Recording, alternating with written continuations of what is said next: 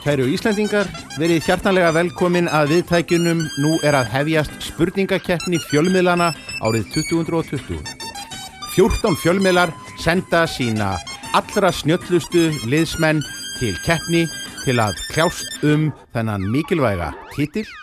Ég heiti Stefán Pálsson, er spurningahöfundur, spyrill, dómari og alvaldur Þráinn Steinsson sér um takana. Og það er æsileg viðrygg sem að stendur fyrir dyrum, það eru nýliðar í keppninni sem að etja kappi við liðið sem að sigraði fyrir tveimur árum síðan. Og nýliðarnir eru fótbolti.net, velkomnir. Takk hjá Takk. Hvað heita menninir? Herðu, ég heiti Elvar Geir Já, Magnús Már. Akkurat. Uh, Mikil pressa, loksis komnir á stóra sviðið. Er þetta, er þetta ekki svona ákveðin upphæð fyrir fjölmiðlin að fá þessa formlegu viðurkenning á stöðu sinni? Við hérna að fókbóti.net tók þátt í þessari keppni fyrir örfáum árum síðan Ah, Áður, áður en að þú tókst við stjórnatömanum já, já, við, það, það er þessi hérna myrku árin sem að við reynum að gleyma hérna. Árin sem engin mann árin, árin sem engin mann. Heyrðu, hérna, við, við, við býðum bara spenta að að sjá hvernig það gengur. En svo eru það útvarsvið sínar. Hér eru fulltrúar hvað frá Bylgjunni og Exinu. Þið kynnið ykkur félagar. Já, já, sælir, ég heiti Frosti Lófarsson og er, er frá Exinu 977 Ég heiti Bræði Guðmundsson, hér frá, frá Bylgjunni. Þannig að við skulum bara kalla þetta Bylgjan X. Já, Bylgjan X, heyrðu, mér líst vel á það. Já. Eh, Við þurfum að fá úr því skorið fyrirkomulagi, þetta eru vikspurningar. Hér er ekki einhver flókin rafeinda búnaður, hlaupið í bjöllur og, og, og annað slíkt. Ég útskýri reglurnar bara jafnóðum, en við þurfum að fá úr því skorið uh, hvori byrja. Þannig ég ætla bara að byggja ykkur um að fara í steinblað skæri. já, Þetta er nú ekki kannski besta útarsefnið, en 1, 2 og já, heyrðu, hann skæri hér það, og þar með byrjið þið þar með ríðið þið á vaðið. Fyrsta spurning, Bilgjan X. Montreal sáttmálinn frá árinu 1989 er eitt mikilvægasti alþjóðasamningur síðari tíma. Um hvað fjallaði hann? Nú er það stjórnmálaspekingurinn Já, mm, og samningamadurinn. það er ekki langt síðan að ég hérna, var síðast að, að hérna, fylgjast með þessu. Þetta er Þetta er uh, Askoti, nú kemur svo illa að vera með elliklöpin sko. Já. En um, þetta er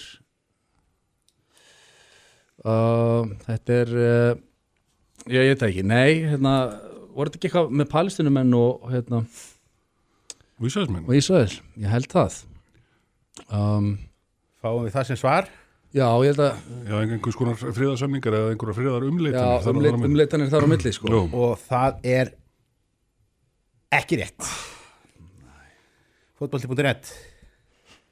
Við, Montreal sáttmálinn frá 1989 þetta snýri um hvernréttindi Þetta eru marga góður hugmyndir, þetta er heldur ekki rétt. Æ, Þetta var, þetta var samningurinn um vernd ósónlagsins og, og í kjölfarið þá voru bönnuð efni sem að sk- skoðuðu það. Við höldum okkur við merka alþjóða sáttmála sem undirritaðir hafa verið í Kanada. Ottawa samningurinn frá 1997 er sömulegið stórmerkilegur fótbolti.net. Um hvað snerist hann? Hvað var bannað með Ottawa samningnum? 97 sagður. Heyrðu, við giskum bara á að hann hafi snúist um, um verndun dýra Það mátti ekki skjóta eitthvað, eitthvað dýr. Það er ekki gott að skjóta dýr en það er heldur ekki rétt. Nei, Nei, Hilgjanexið, ég hef bara aldrei fengið að sjá þannig samning. Þannig að, hérna, þetta er þungur óður já, Byrjar ekki vel hjá okkur hérna. Já, ég, hérna, getur verið að það, þeir hafa verið að banna freón eða eitthvað svoleiðis. Það næsti bær við ósónlæðið allavega. Já, það er þetta svona, er, það er heldur ekki rétt. Þetta er samningurinn hennar Díunu prinsessu um að banna jarðspring. Já, já. Jarðspringju samningurinn. Heyrðu, þetta byrja rólega uh, en við förum þá á, á útvarsviðið aftur. Guð, gott silfur er gulli betra sögðumenn eða hvað? Við heyrum tóndæmi.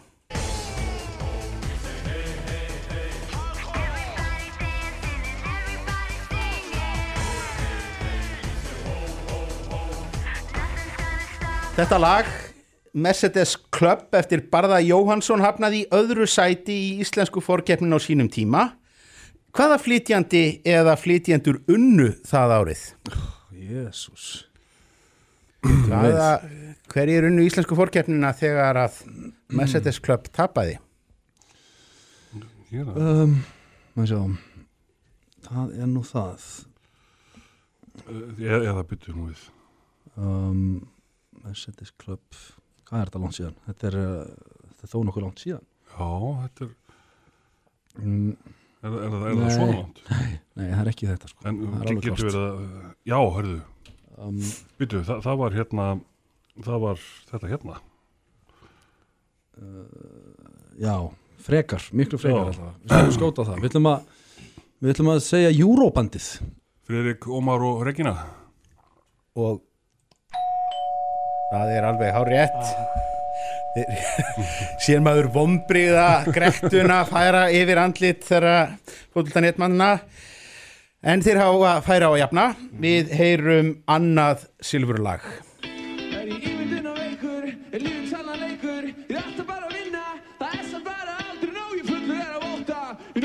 flóta Botleðja lendi í öðru sæti með þessu lagi eitt árið hvaða flytjandi eða flytjandur unnu það skiptið?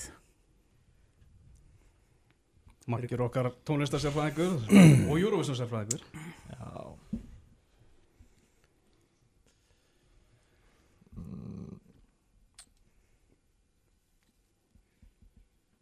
Fyrir hverjum tapaði Botleðja? Þetta var og með þetta áðan sko, nú er þetta aðeins þingraði. Segjum, segjum uh, Selma Björns. Það er ekki rétt. Það er ránt það er, hvað ég man að þetta þessi undarkeppni var í háskóla bíó um, Er þetta árið sem að, hérna, þessi,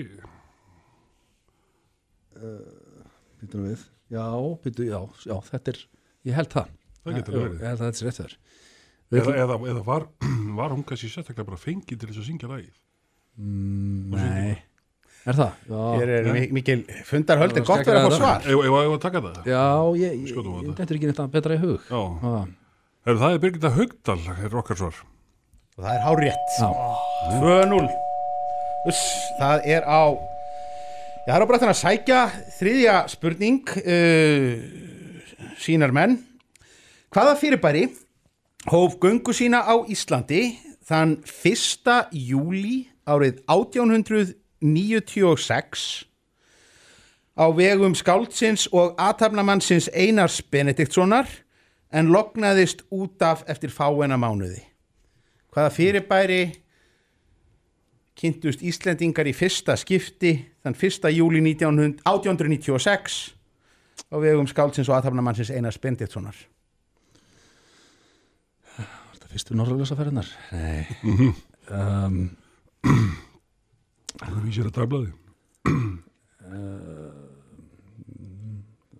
Fyrsta Fyrir ekki, endur þetta aftur ef þú getur Já, hvaða fyrirbæri hóf göngu sína á Íslandi í fyrsta sinn þann 1. júli 1896. Er það þá þetta hérna? Já um, Við getum alveg skotið á það allavega Já. Ég, hérna, Er eitthvað sem að? Já, það kann að vera Segð Fáum svarið. Uh, skýrnir? Dagblæð Hvert er svarið? Já, ég segist skýrnir. Já, það er ekki rétt. Fótbolti.net. Fyrsta, já Var þetta bara fyrsta tímaritið? eða? Nei, þið gerðu heiðarlega tilhörun til þess að gefa ykkur þetta. Þetta er sem sagt fyrsta dagblæðið sem að, að, að, að hérna, sem að Frosti náði ekki að ugla út úr sér nægilega. Nei, En þetta var hér náttúrulega viðeigandi hér í spurningakefni fjölmiðlana. Herru, við höldum okkur á svipuðum nótum, fótbolti.net. Hvað fór Otto B. Arnar að reka fyrstur Íslendinga snemma árs 1926 og starrækti í um eitt og hálft ár áður en reksturinn fór í þrótt? 1926 upplifðu Íslendingar hvaða fyrirbæri í fyrsta sinn Ef að segja útvarp Já, ég held að það Já. sé. Við séum ekki að það. Já, og það er hárétt. Já. Þetta er fjölmiðla þema, við heldum okkur á svipuðum slóðum 2-1, þetta er aftur ánum keppni Sínar menn Asia er svo heimsálfa sem státar að lang flestum af hæstu fjöllum jarðar en í sem sagt, já, en í hvaða heimsálfu utan Asíu er hæsta fjallið Já um, Ef Asia er frátalinn í hvaða heimsálfu er þá hæsta fjallið? Sko þetta í ö- ö- ö- ö- Er hérna En er það ekki í K2 eh, Nei, hvað erum við að tala um? Er hérna Gátt er, er í heimalega fjöldunum Já og utan Asíu hæsta fjall utan Asíu. Og Mount Everest e, hérna Asíu líka Já, er í Asíu, já. já, já. Og já, veitum við við. Fáum við svar? Já, um, við erum að klífa þetta Þetta fjall, það svarinu Þetta er brekka. Já, já, þetta er bara ekkert í huga hvort og er en getur við verið í Þá er ég eiginlega að krefja ykkur um, um hvað, heit, ágiskun hvað heitir það aftur? Þetta þurfum við að vita hvað Ég þarf nafn- heimsálfuna bara. Já, já. Ég þarf bara heimsálfuna. Uh, er, er það svo hátt þar? Hérna, við skulum, við skulum skjóta á það. Já, gerum það. Já, Afríka. Það er ekki rétt. Fótbolti.net Við ætlum að tippa á Suður Ameríku Og það er hins vegar há rétt. Það er í Andres fjöllunum Nánum tildekið í, í Argentínu. Um, Aconcagua Svo ég, hérna bökliðis einhvern veginn út um mér. Við höldum okkur við landafræði heimsins Fótbolti.net getur stólið fórustunni uh, Flestir hæstu fossar í heimi eru í Suður Ameríku En Evrópa á líka háa fossa. Í hvaða landi eru nýju af tíu hæstu fossum Evrópu? Nýju af tíu hæstu fossum Evrópu eru í einu og sama landinu. Hvaða land er það?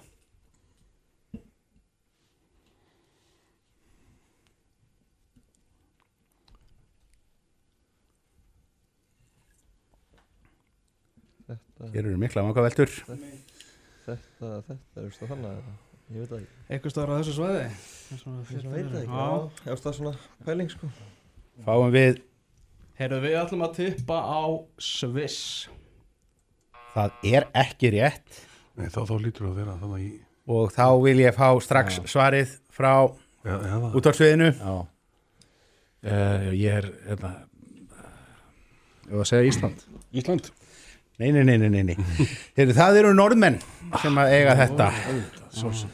Uh, við hugum þá að orkumálum. Uh, hver er stærsta virkjunin á vestfjörðum? Útvarsvið. um, Þetta eru alls góða spurningar Það gefa það Þetta er, þetta er svínslegt. um, Þetta eru hér gamlir sigurvegarar á, á, á ferðinni. Já, eh, ja, ekki er það kvalárvirkjun, hún er ekki orðin enn en um, um, á vestfjörðum er engin íkja stór virkjun á vestfjörðum. Ég bara man ekki þetta er svona Eru allir þá að gefa þetta frá ykkur eða fáum við ákiskun? um, Já. Uh, Nei, fjárðarvirkjum eða eitthvað. fjörðarvirkjun Hvað hvar er ból, nei, bólalda er hvar?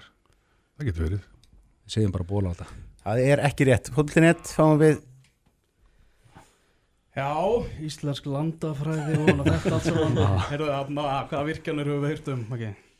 Það er eitthvað Við giskum bara á Búrfellsvirkjun. Nei, nei, nei, nei. Heyrðu, þetta er mjólkárvirkjun Já, mjólkarvirkjun. Heyrðu, og þá veit ég nú ekki hvaða vonir ég hef um að innheita sarfi næstu. Uh, Orkuveita Reykjavíkur hefur yfir að ráða tveimur gömlum vassaflsvirkjunum önnur er ellið á stöð sem hefur nú ekki verið starrað til nokkur ára skeið. Hver er hinn? Er hinn vassaflsvirkjunin sem Orkuveita Reykjavíkur hefur á að skipa?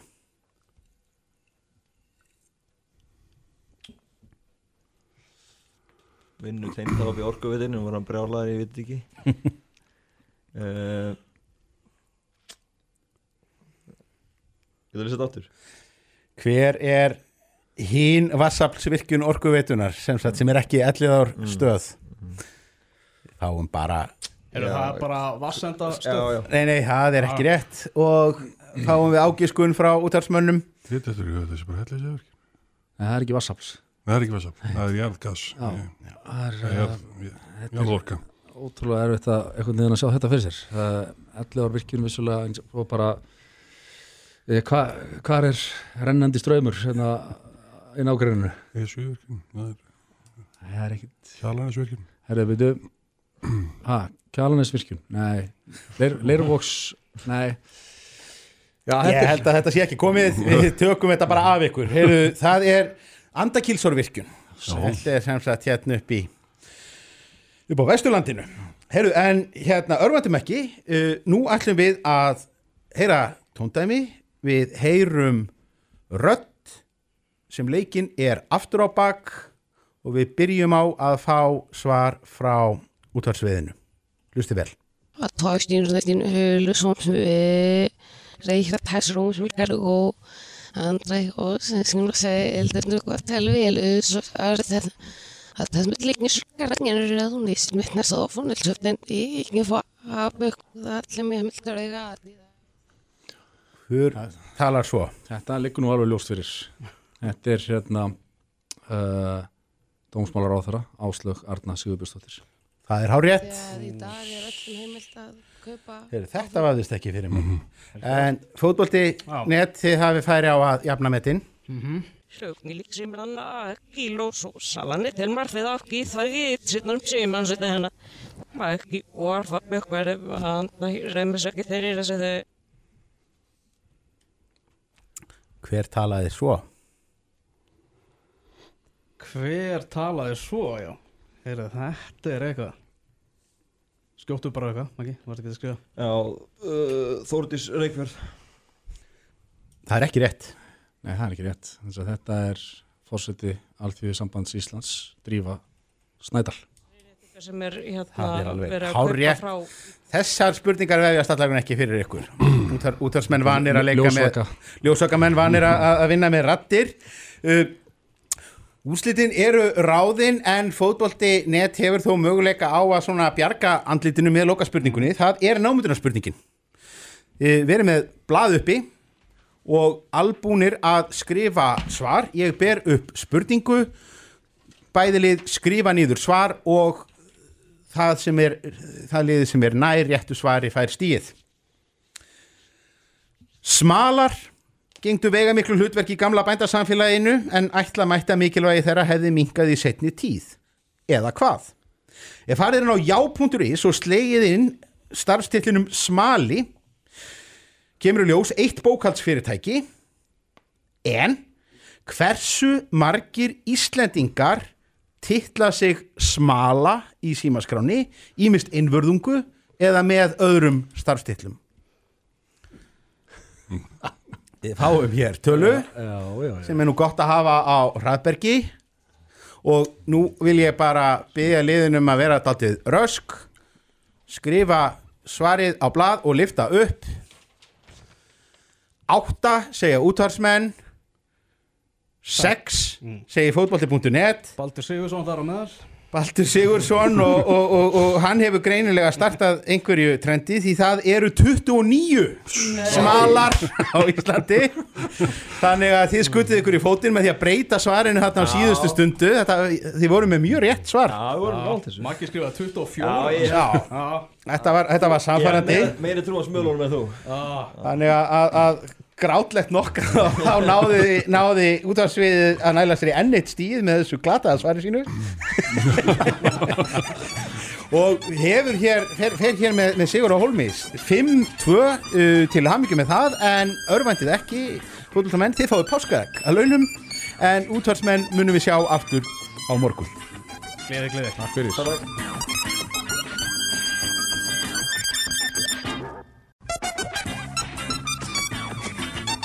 Jæja, hlustendur góðir, við höldum áfram með spurningakefni fjölumilana 2020 uh, Óvenju æsileg keppni hér um þessa páska. Stefán Pálsson heiti ég, uh, spurningahöfundur, spyrill, dómari og alvaldur varandi allt það sem að ekki snýr beinilins að þekklingum málum þá kemur þráinn Steinsson til skjálana. Og hér eru tvö harsnúlið Við erum með lið frá frettablaðinu annarsvegar og útgáfufélaginu Byrtingi hinsvegar og hér eru allir afskaplega vel stemdir búinir að, dreipa á uh, Peroni léttöli hérna frammi og góðum viðurgjörningi frá Barjón uh, veitingastaðnum.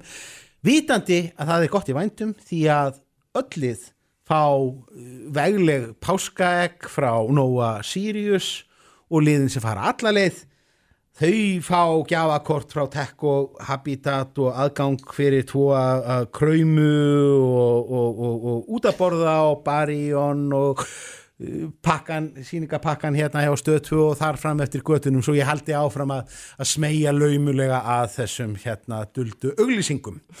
En fréttablaðið ef þið myndu vilja kynna ykkur. Já, uh, ég heiti Fann Spinna Lóðdóttir. Og Þóraðin Þóraðinsson heiti ég og ég er hættur að drekka hann að að djá að skrifa fréttina, ég er ekki búin að drekka þetta Peroni hérna. Nei, en það er, er, er að sjálfsögðu í, í fjölskyldu útvarstætti bóðið upp á 0,0% uh, Peroni. Því að, að Já, hér, þurfum við, því hér þurfum við öll að halda fullkominni innbyttingu því þetta er alvarleg spurningakefni Alltaf að það fannst Byrtingur, Já, ég heiti Steingerður Steinarstóttir og kem frá vikunni. Já, Ragnar Gjörstóttir frá Mannlíf. Stórgott við skulum bara dempa okkur í þetta en þá er nú eitt sem þarf strax að, að, gera vegna þess að hér er ekki bærust um bjöllu eða hlaupið í, í, í, í hlut. Þetta eru víkslspurningar það þarf að fá úr því skorið hvort liðið byrjar. Og þar notum við þann síkildaleik og útarsvænaleik steittblað skæri þannig að ég ætla að byggja fulltrúa liðana um að stilla sér upp og fara í steinblað skæri leikin ég trúi því ekki að, að Já, jú, það er alveg hægt að gera það á tvekkja metri að fjalla Já, já, það er hægt að gera það á tvekja metra fjallar. já, ég bara verða að játa, ég er hann svo gömul eins og grunum á sjá, ég bara kann ekki þennan leik. Já, e, já. Á þreymur? Á þreymur. Og hvað, og, Það er bara því. Svona, einn, tveir og byrtingur, vinnur og þetta, þetta hefur einst örlagaríkt í, í sumum fyrir keppna án þess að ég vilji setja mikla pressu á, á fréttablasmenn. Við dempum okkur í þetta, byrtingur fær uh, fyrstu spurninguna. Uh, Sú hefð að kenna mismunandi brúðköps afmæli við hverskins efni og varning er alþjóðleg. Listarnir eru mismunandi milli landa en þó er nokkuð almenn sátt um það hvernig íslenska flokkunarkerfið er. 15 ára brúðköpsamæli er kristalsbrúðköp. 25 ára brúðköpsafmæli er silfurbrúðköp. En hvað er 20 ára brúðköpsamæli? Það er að með minnir perlu brúðkaup. Það er ekki rétt fyrir þetta blæðið. þvert gegn öllu sem fólk myndi kannski æt- ætla þá hef ég ekki hundrit á þessum málum enda, alltaf enda skilin en 20 ár. Það er frekar billegt svona. Það er hérna, það er, úst, það er spýtan er hérna eitthvað undan. Pappir nei, þetta er hérna þetta er hérna uh, flauels má ég segja það? Já, ég, ég hef ekki hugmynd. Nei, nei, nei, nei. Það er paljetti Herðu, milli Palléttu brúðköp Herðu, nei, milli kristalsbrúðköps og silfurbrúðköps með við, það eru postulínsbrúðköp Æ, mér þetta oh. alveg í hug, mér finnst það bara posturinn svo fínt eitthvað það væri meira svona kannski kringum Já. 60 Herðu, fréttablaðið, í sama anda Gullbrúðkaup er 50 ára brúðköpsamæli en hvað er þá 60 ára? Demons. segðu það Demontsbrúkup. Demans brúðkaup er hár rétt annað nær hvort það eða fórustu platínu. Já. uh, Byrtingur, þið eruð enn á undan við heyrum sígilda sjónvarpstónlist Bayou-badou. Bayou-badou. Bayou-badou. Bayou-badou. Bayou-badou. Bayou-badou. Bayou-badou. Bayou-badou. Bayou-badou. Þetta var kynningarlag vinsætla teiknimynda. Frá hvaða landi komu þær? Ég held hann hafi verið ítalskur. Og það er hár rétt. Línan. La lína eða eitthvað, eitthvað, eitthvað, eitthvað, álíka. La linie. Línie, svo við, við, við já, einmitt. Uh, Fréttablaði við högvum í eh, sama knérun, við hlustum aftur á upphafstef.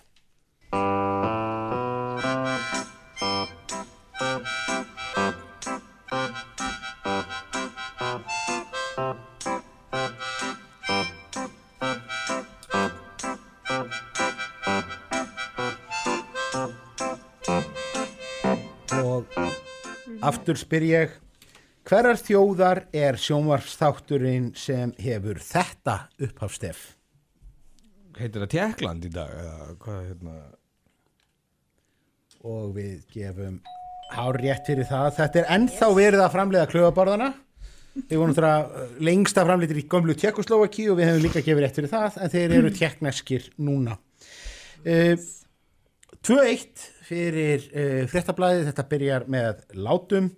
Uh, Byrtingur fær þó alltaf fyrir, uh, fyrir, fyrir að svara. Við víkjum að þjóðfánum. Fáni hvaða ríkis í miðausturlöndum er með mynd af sverði og rýtningarteksta úr kóraninum. Mm, Þetta er nú fyrir eitthvað svona Ég- grottalegt myndmál. Ég er nú ekki góð í fánum, þjóðfánum, en ég ætla, ég maður giska á sátt í Arabíu. og það er hárrétt og við spyrjum í sama dúr hvaða land í miðausturlöndum er með setrustrí í fána sínum Já, veist þú hvað setur tré er? Og þetta er. Nei, Ég er náttúrulega verið í snælaskóli Kópa og ég veit ekki neitt um landafræði eða fána. en, uh, Hérna, ekki ég get ekki eins og fána giska, sko, ég veit ekki hvað löndin heita hann. Hvað fáni er með tré? Setur tré? Fellur, fellur mjöll í setur sko, snjóar hann mikið. Er bókmetavísinn er alltaf vegna á hraðbergi? Þetta er með eitthvað. Já, já, Giskaðu bara hérna, Jemen. Það er ekki rétt. Hvað er þetta að segja? Uh, þá ætla ég að giska á Katar. Nei, ekki heldur. Þetta er fáni Líbanon sem er, er rauður og hvítur og svo er mjög myndanlegt ógnarstort setrustrí í honum miðjum.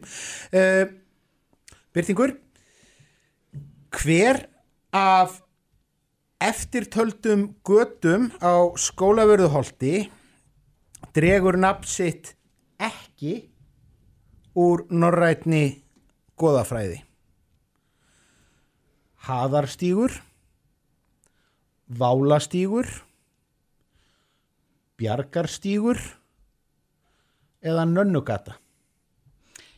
Bjargarstígur, allt hitt er úr norræðni góðafræði held ég. Ég man ekki eftir neitt í Björgu. Það er hárétt Björg þessi sem að, að e, gatan er kent við, það er Sigurbjörg Sigurðardóttir sem að var bara kona sem átti þarna bíli á, á þessum slóðum. Ah, ok. E, Frettablaðið, götu heiti, droppaðu við í Víðihlíð, söng Megas um árið. Hverja af þessum götum er ekki að finna í Suðurhlíðakverfinu í Reykjavík? Reynihlíð, Grenihlíð, Birkihlíð, Beikihlíð. Reynihlíð, Grenihlíð, Birkihlíð eða Beikihlíð. Hver- Hvað var fyrsta sem þú sagðir? eins og ég segi, þetta er, er, er, við erum ekki að tala um víðilhlíðina sem að Megas söngum en ein af þessum fjórum göttum er ekki í söðurhlíðakverfinu reynihlíð, grenihlíð birkihlíð og beikihlíð Þetta Já. beikir eitthvað off, er það ekki? Já, Hérna, beikilið. það Ah. er ekki rétt byrtingur Við ætlum að segja grenilíð. grenihlíð er hárrétt eða sem sagt öllaldur kolrámt því að, að, að, að það er ein, eina gatan sem ekki er, er þarna til, til fyrir, fyrir hendi uh, Víkju þá að sérstöku hugðarefni spurninga höfundar Og ekki batnar það. mögulega keppendum ekki, til mismikillan ránægi vinsælustu bjórtegundirnar. Já, í einstökum löndum. þessu. eru alls ekki alltaf þær tegundir sem helst eru seldar úr landi. Þannig er Fosters til dæmis langfrægasti ástralski bjórin en langt frá því að vera svo frægasti sem seldur er þar söður frá en nú er spurt. Í hvaða kunna evrópska bjórlandi hefur bjórin Gambrinus löngum verið eitt sá mest seldi? Hvaða kunna evrópska bjórland er með Gambrinus sem vinsælasta eða einn allra vinsælasta bjórin og hefur verið um langt árabil byrtingur Ég er algjörlega tóm í þessu, en... Má ringi vinn eða? Nei, það er ekki, það er önnu keppni Ah, Er þau skjótum bara á... á Belgíu? Já. Já, við skjótum bara á Belgíu. Nei, það er rámt svar, fréttablaðið Þú með, sko, nú hefur ég farið í fleiri meðferð en allir eru saman alltaf aðri hérna inni, en bjór hefur mér alltaf þótt anstíklegt áfengi, en að, getur, veitir þú með betra gisk en, sko, er Virkar eins og eitthvað suður. Já, það ekki. Jú. Ítalía, Frankland, Gambri, er eitthvað þannig? Ég veit það ekki. Hvað með það? Um, Spáni, bara. Það er ekki rétt en það, er nú kannski seint teljast uh, meðal kunnra evrópskra bjórlanda. Þetta er, er einn vinsælasti bjórin í Tjekklandi, í mikla, mikla hjá bjórlandi. klaufaborðinu? Já, klaufaborðinu, sko, nákvæmlega. Heyriði, hérna, en fréttablaðið, við höldum okkur á sömu slóðum, í hvaða kunna evrópska bjórlandi Kunna er mest drukkið af bjór sem nefnist Júpiler? Þetta er að hljóma nefnir kunnlega. Nú er ég alveg tóm. Er það? Ah. Hendi ég eitthvað. Hendi ég eitthvað gott. Hol Holland. Já. Það er ekki rétt, byrtingur. Ég hef ekki hugmynd, sko. Nei, en eigum við að halda okkur við Belgíu? Já, höldum okkur bara við Belgíu. Eða Þískaland, eða... Ok, höldum okkur bara við Belgíu. Já. Við kunnum vel við Belga. Ah. Hvaða, hérna er þetta? Tjekkland tvísar í okkur og Belgía, þú veist það gískar enginn tvísar saman um eitthvað svona ruggla Hér er þetta jafnast nú út sko því að, að, að byrtingur barmaði sér nú hér mjög fyrir ári síðan að hafa fengið bjórspurningar á færibandi en, en, en bjórun ætla nú að, að reynast þeim drjúur að þessu sinni uh, Við fáum tóndæmi við heyrum í kunnum Íslandingi en til að gera þetta pingu lítið erfiðara þá spilum við röddina aftur á bak byrtingur byrjar á að spreita sig Lomsatsfall som de som är den användliga hinnorna har beklagat att levera. Ich sag alla sådana för att såna så inte like sitt så all päda i því mun partner til að mjög góðleikar svona lít myndlega hóks. Hvað, Jaha. Hvað segja vikan og mannlíf við þessu? Hvaða Íslendingur talaði hér aftur á bakvissulega?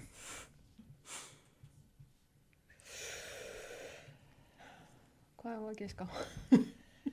Ég bara alveg, ég þekkti ekki þessa rödd, ég verða við ekki hana það. Ég treysti mér ekki til að segja hverju þetta er. Við getum skotið á hvert sem er, sko. Bara höfum ekki hugmynd. Já, þá bara gefum við fréttablaðinu tækifæri. Já, okkur beður saman um þetta þessi helbriðisáður að Svandi Sváðarsdóttir. Það er bara ekki rétt, nú skulum við heyra. okkur saman um nú skulum við heyra. Sko höldum dyrunum frekar lokuðum heldur en opnum uh, í því að ebla Ég og styrkja það, þetta er nefnilega dálítið svipað hljónfall, en þetta er sem sagt Stórvinkon okkar. Stórvinkun eitthvað Þorgerður Katrín Gunnarsdóttir. Þá skulum við sjá hvort að fréttablaðinu vegnar betur með næsta tóndæmi. Aftur hlustum við á íslenska stjórnmálamann sem talar aftur á bakk. Låtsas de menar att man är med fara mig. Den är för lustig sen då kan det helt även vein. Själv med riksdagen där.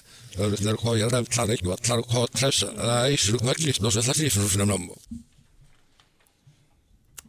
Já. Já Þetta er uh, sammála gískinn Já, ég er svona samlega Við ætlum að skjóta að þetta sé Brynja Níels. Er hárjætt. Okkar Yes, maður. Og alltaf svo tilgangur sé að svelta okkur alltaf og gera allt verra. Og, og er meira viti honum svona aftur á bakk eða áfram? Já, Erfitt að skera úr nei, hérna. Frá því að hann sé betri bara svona Bara vitunni. Já, já, já, já, já. Uh, þá er komið að loka spurningunni. Það er svo kvöldur námundurna spurning. Ég ber upp spurningu. Liðin skrifa svar á blað og lifta upp það svar sem er nær réttu reppustíð. Stíð. Lífið verður ekki metið til fjár. Og þó, hjá Þjóðskrá Íslands er hægt að fá staðfestingu á lífi. Það er vottorð fyrir fólk sem þarf einhverju hluta vegna að fá það staðfest að það sé lifandi en ekki dáið. Þetta vottorð kostar pening. Nánatildekið sömu upphæð og flest helstu vottorð, svo sem hjúskaparvottorð, fæðingarvottorð, vottorð um nafnbreytingu eða fjárræði, svo einhvað sé nefnt. Hvað kostar staðfesting á lífi margar krónur? Þetta er ómikið. Um, Þú að skrifa þetta á blað Ég og, og hvað taka símamyndaði og setja á Instagram eða- Allir helstu samfélagsmiðla verða virkjaðir við þessa þennan spurningaflokk hafið ekki ágjör að því. Eru liðið búin að skrifa niður þá ætla ég að byggja ykkur um að lifta þessu upp. Fréttablaðið telur að lífið kosti 5.000 krónur. Byrtingur telur að lífið kosti 4.900 krónur sem er aldrei svona útsölu sjoppulegt. En ég er merkilegt nokk nær réttu svari sem er 2700 krónur sem er verðið á lífinu Ah. og nýðurstaðan er sem sagt svo að Byrtingur hefur Næ. farið með Sigurahól með þessu sinni staðan uh, 6-3 eru lokatölur fréttablaðið þarf ekki óttast neitt því að þau taka með sér páskaegg frá Nova Sirius komum ekki hérna til að sækja páskaegg. byrting, mun, byrting munum við sjá aftur hér á morgun takk hérlega fyrir mig Takk fyrir okkur.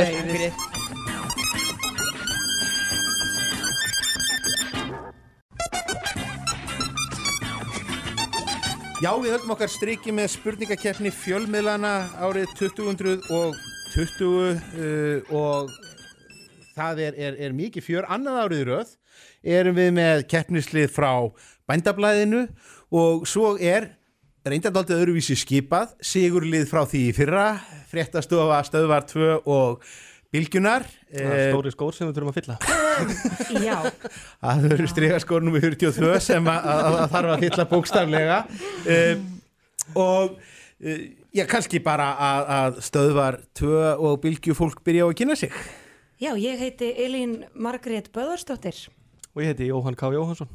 Velkomin hjartanlega, þið er nú eiginlega á heimavelli hérna, bændablaðið það er nú aðeins lengra vestur úr, úr bæ fyrir ykkur, uh, þimdi kynna ykkur. Já, ég heiti Una Hildadóttir. Og ég heiti Guðrún Vaka Stengrimsdóttir. velkomnar og, og hér eru allir keppendur vel haldir, haldnir uh, Barjón er búin að bera hér í okkur uh, veitingar og, og, og svo er hér alkohólfrýr Peroni uh, bjór til þess að að halda öllum vel á tánum. Það er eins og ekki eftir neina að býða og þó, eitt þarf að gera fyrst. Við þurfum að fá úr því skorið hvort liðið byrjar. Og að því að þetta er nú útvarpsefni að þá höfum við notað steinblað skæri til þess þannig að ég vil byggja hér fulltrúa liðan um að, að taka steinblað skæri í keppni. Síðast þegar ég fór á pubquiz hjá þér, Stefan, þá endaði það í steinblað skæri og ég tapaði og ekki öðru sæti, þannig að já. Engi beskja, engi beskja Ég er ekki þekkt rosalega mikið fyrir að vinna í þessum leik heldur þannig að sjáum bara hvað gerist. Eitt, tvei og... Á, heyrðu Mér sýnist að að bændablaðið hafi unnið fyrstu lótuna okay, okay. Til aðmingina Takk. Og þar með fá, fá uh, fær bændablaðið fyrstu spurninguna. Íslenskar bókmentir eru fullar af hvenn fjandsamlegum tilvittunum Úr hvaða bók er orðatiltækið Köld eru hvenna ráð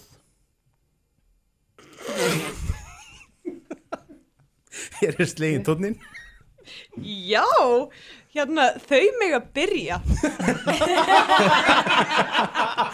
Já, nei. Góð tilraun. Já, ok, hérna um, segð þú þetta hérna. En ekki þetta? Þú mátt velja annarkort, ég kom, ég- kom með þetta. Þú er samt að svara. Hmm. Þú er samt að svara. Nei, þú, ég kom með þetta, þú svarar. Við höldum að það sé lagstæða. Það er ekki rétt Stöð þau bylgjan? hlýtur að vera næsti bær við Nei, ég veit það ekki. Njála, brennu njálsaga Brennu njálsaga Og það er á rétt En vissulega tengist held ég sá kvennmaður sem að þarna um ræðir, eða ekki, báðum sögum. Fló, Flósi Þórðarsson segir þetta við Hildi Gunni Starkaðardóttur uh, í, í njálu uh, en, en við höldum okkur sem sagt við kvennhattur í bókmættum Mikið rosalegi fegin að við komum mennir í líka Hey, við erum rétt að byrja, við skulum ekki tala Við erum rétt að byrja, við höldum okkur kvennhattur í bókmættum Í hvaða 20. aldar sögu segir Þrá er söðkindin en hvað er það á móts við kvennkindina? Já, hérna Eigum við þessa spurningu? þessa spurningu Þið eigið þessa spurningu 20 aldar, segirðu- 20. aldar uh, skáltsaga íslensk Já, ertu til í andurtaka? Þrá er söðkindin en hvað er það á móts við kvennkindina? Já, ég svaraði það, var nú að koma að þér Ég er bara, ég er að grafa, sko ég, ég er ekki, ég er ekki þannig, sko Þetta er eitthvað Nei, mér þetta er bókstæðlega ekkert í hug Ég ætla bara að viðkynna Pass. Við, við, það er pass, hvað segir bændablaðið? Vitið þið ekki? Ok, ég Þetta er, Er þessi bók til að hljóðbóka? já, já, já, já, alveg fram og tilbaka Við erum nú í andvegisfrittum, hérna Fáum við ágiskum frá bændablaðinu Sko, getum við hérna Þrá er söðkindin en hvað er það á móts við kvennkindina? Guðrún, þú hlýtur að vera með þetta. Skýtur á eitthvað. Mér líður samt eins og ég hef heyrt þetta. Þú hefur heyrt þetta. Þú hefur lesið þessa bók, ég veit það. Leið þú heyrir titilinn, þá þú eftir að Við verum að segja pass. Við köllum- köllum svari. Segja pass. Það er pass. Heyrðu, þetta er úr sjálfstöðu fólki. Þetta er Bjartur í sumarhúsum sem að- að að segir þetta. Una drýpur höfði í skömm.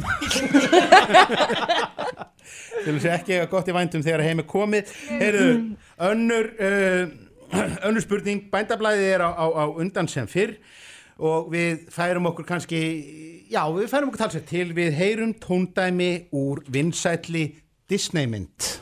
Have you ever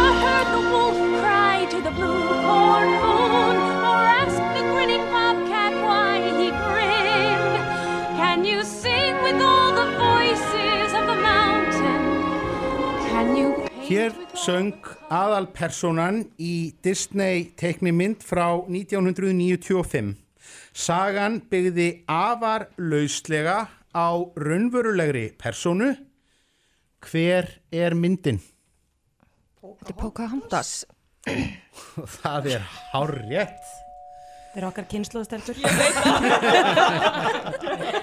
oh, Ég veit að við hefðum fengið þessa. sko. Já, það vi- vill nú til að það er oft samhljómur milli spurninga. Og, og, og Æ, uh, stöð 2 og Bilgjan sperri núna eirun, aftur hlustum við á söng úr Disney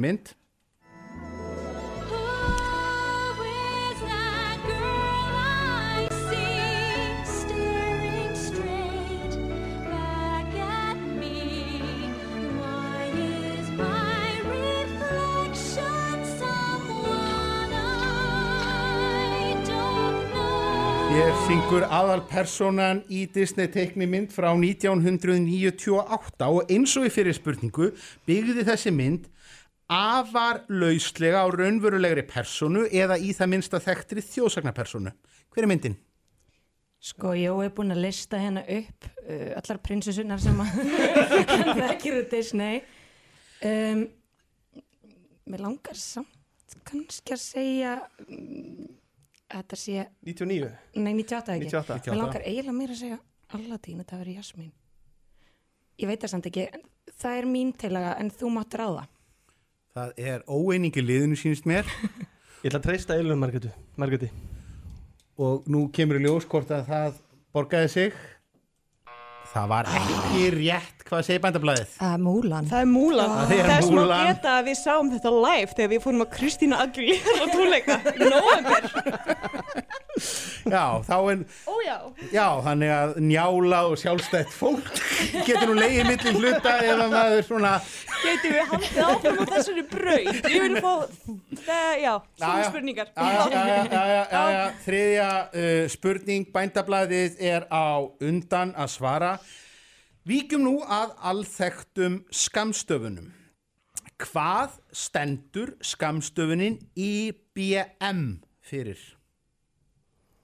Ertu þá að tala um fyrirtækið í Já, já, þetta er þessi þessi stóri, stóri tölvu framleiðandi IBM er þekkt skamstöfun en það var kannski færri leitt hugan að því hvað það stendur fyrir Þetta er snúið. Þetta er snúið. En ég meina, þú veist, þú þarf þá að klára B-ið og M-ið, þú getur ekki bara komið. það er, það er ekki gefin hlutastig í Já, þessari já, ok, spurningu ok. Já. Fáum við svar frá bændablaðinu Internal byte memory. Það er rækilega rámt Bilgjan og stöð 2 Um, já, sko ef ég ekki sko M-ið, ert þú þá til ég að taka E um B-ið? Já, ég er allan að, ég, ég held ég sé komið í hitt. Ok, En þá voru þetta B. ég trúis ekki upp á okkur. Er nokkuð einhver að hlusta? Hérna, er- það er það er allir úti að stunda líkamsrækt er það ekki? Um, sko, um, já, þú vilt segja International B.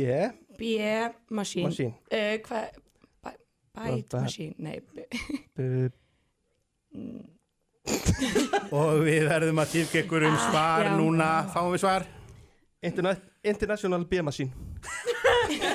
Nei International Business Machine já, já, já, já, já. Þetta var náttúrulega bara hugsað fyrir ha, heyrðu Þetta hljóta að vera 0,6 stiga minnstakosti.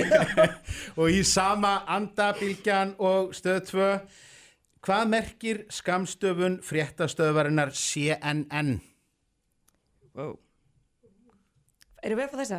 þið er að fá þessa kollegar ykkar Connected News Nei, Network. Newsnet Network. Uh, News, Network. Eitthvað News Network. Hvað sé við lifið? Hvað sé það þér? Ég segi, segi Connected eða Commercial. Com, com. Commercial News Network. Já, ef við segja það. Commercial News Network og hvað ah, það er ekki rétt bændablaðið Og ég segja þetta. látið bara að vaða Það er svolítið gott, segðu það bara.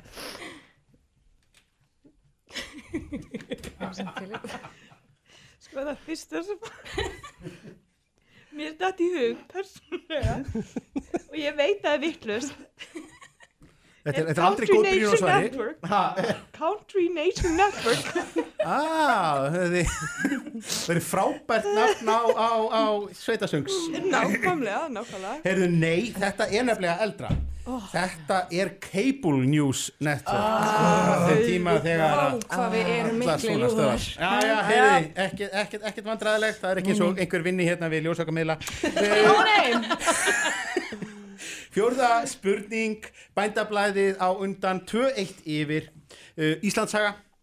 Hvaða afdreifaríku atburðir í Íslandssögunni hófust þann 8. júni árið 1783? hvaða afdreifaríku atbyrður í Íslandsögunni hófust þann 8. júni árið 1783 Ég skal reyna að skrifa betur.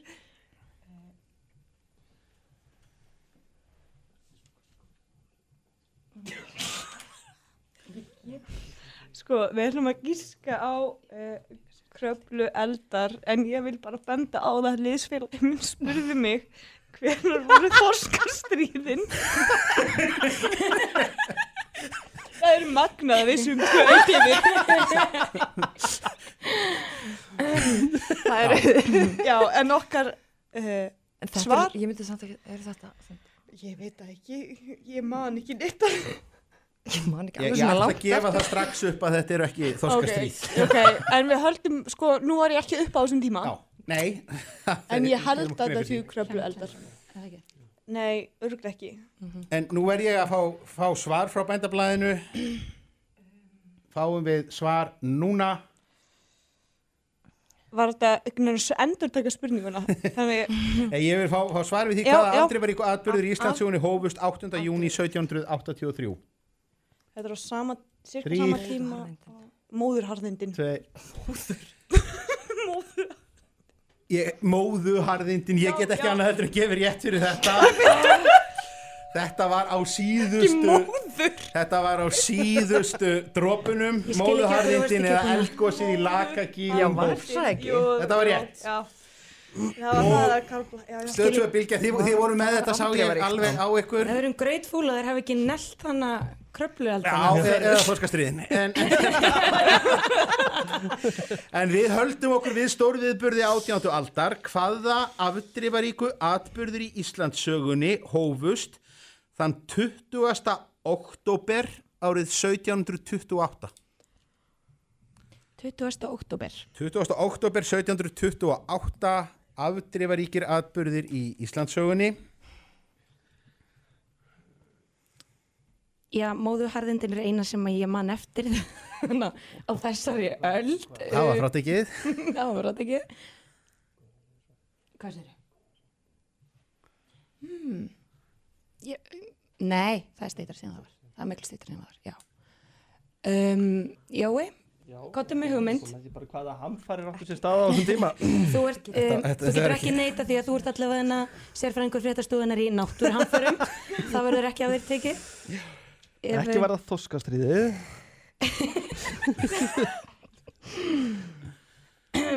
Ég er 1728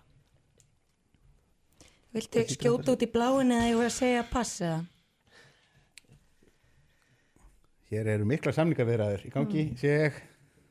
Þetta er aldrei svona í okkur á bandablaðinu. Nei. Nei. Heru, Þá ætla ég að þýfka ykkur um svar. Já, jú, skjóta á eitthvað að því. Einhver veiki sem kemur upp í þjóðfélaginu? Það er ekki rétt. Ok. Einhver veiki?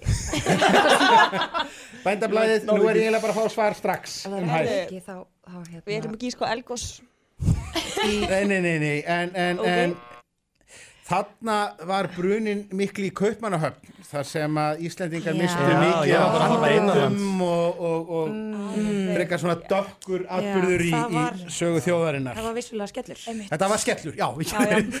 skellur hefði mögulega verið rétt svar eftir á að higgja. Kannski var það bara hefni fyrir okkur að það var allavega ekki fleiri spurningar úr þeim reytum sem þær fórum Nei, Jú, heyrðu, síminning þeirra já. Fymta vikspurning, bændablaðið er á undan. Ok. Og þessi spurning er stutt og snakkaraleg. Hvað eru dvergurinn, skessan og rísin í hafnafyrði? Dvergurinn Dvergurinn, skessan og rísin í hafnafyrði. um, Hvað- Ég myndi segja að þetta verður íþróttamannur Já, við gefum rétt fyrir það. Já! Þetta eru knatthús sem að- að að FH-ingar eiga. Í svipuðum anda stöð 2 bylgjan. Oh boy. Hvað eru foss, trekt og flækja á Akureyri? Foss Foss, trekt og flækja á Akureyri.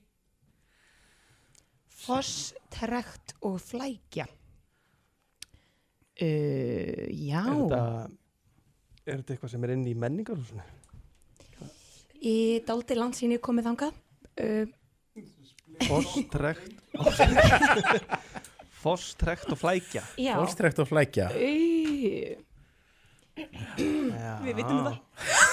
Ah, Hér er, er, er nú að menn Alveg verið að taka saltinu í, sá, í sárinu. Þetta er nú ekki, ekki fallegt eða íþróttamannslegt en það er ekki spurt um slíkt. Nei, hérna skjóta á menningar eitthvað. Er þetta skýðaliftur? það er ekki rétt það er ekki rétt. En þetta var mjög gott gisk. Er þetta rennubrautir? það er hárrétt. Þetta eru vassrenni brautir í sundlaugin á Akureyri loksins sem sagt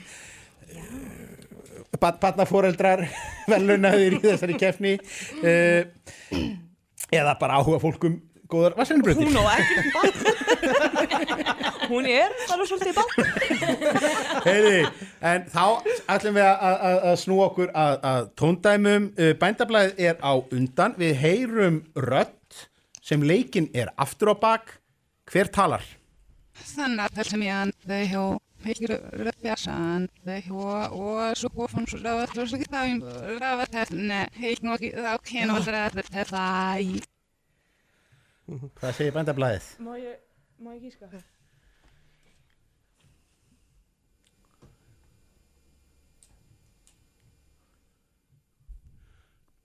Já. Er þetta Birgitta Pírati? Það er hár rétt. Já. En aftur geibla bylgju stöðvar 2 réttamenn sig. Þetta var, var, var, þetta að var, dýr, þetta var dýrkeift þetta var dýrkeift steittblað skæri hérna á, á áðangreinilega Já. en þið fáið færi á að, að minka munin við heyrum aftur rödd sem er leikinn aftur á bak hver á þessa Och nej, man kan ta i sätt men det är torra sira lasnit när du það så så men så inte inget där inte som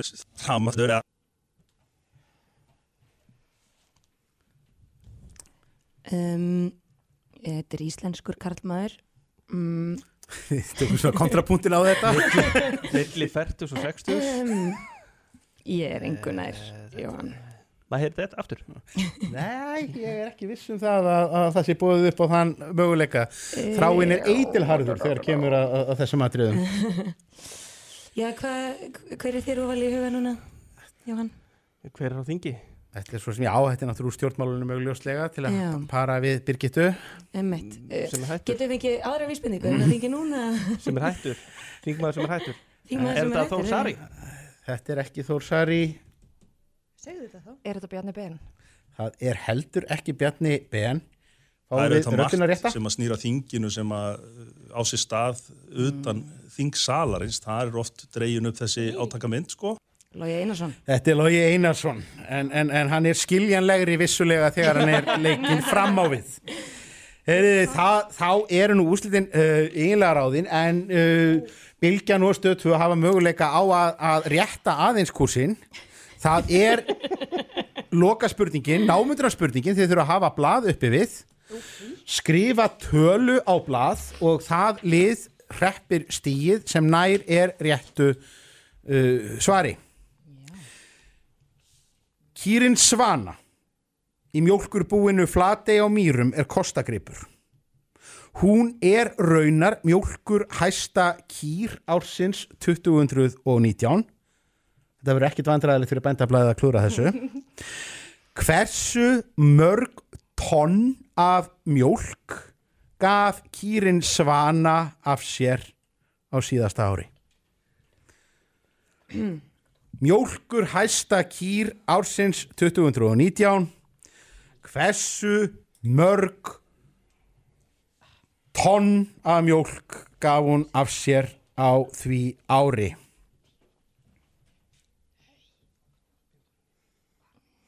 ætla ég að byggja ykkur um að skrifa er tölu á blað Já. lifta síðan Finnst Já, þessi ég- ég- tala er konu í fór sko. fyrsta- fyrsta. Já. Ég þykist já, vita liftiði ég, ég, ég, ég byggði um tonn Hvað er einn lítur í mörg tón? það er svona þúsund uh, já, svona þúsund lítrar í tonninu af vatni, mjólk hefur nú aðra eðlistingt en Má ringi vein, ég þykist þetta Magnús Hlynur Hreðarsson heiti þetta okkar maður. Já, sem við, ég held að þekki við þurfum eiginlega að klára þennan þátt í dag. Þannig að hérna, það er ekki bóði ég, ég byrði liðinum að lifta upp uh, svari sínu og þrýr, tveir, einn og við sjáum 20 eða 5 uh, Bændablaðið skiljanlega var svo sem aðeins nær því. Uh, þetta eru rétt hæflega 14 tonn. Þetta eru 13,895 tonn af mjólk og það er hellingur Ég var bara svolítið erfitt með þetta tonn lítra, sko. Ég var að hugsa þetta í lítrum, sko. Já, já, já, ég, ég, ég, ég byð, byð unnendur SI einingamælingakerfisins afsökunar. En úrslitin líka fyrir. Bændablaðið uh, mætir hér aftur í næstu umferð. Uh, stöðtvö og bylgjan uh, veri ekki titilna þessu sinni. En geta orðnað sig við tilhugsununa um páskaekkið sem þau verða leist út með hér á eftir. Við treystum á félag okkar á vísi til að gera betur þegar það kemur að þeim. Þökkum bara kærlega fyrir.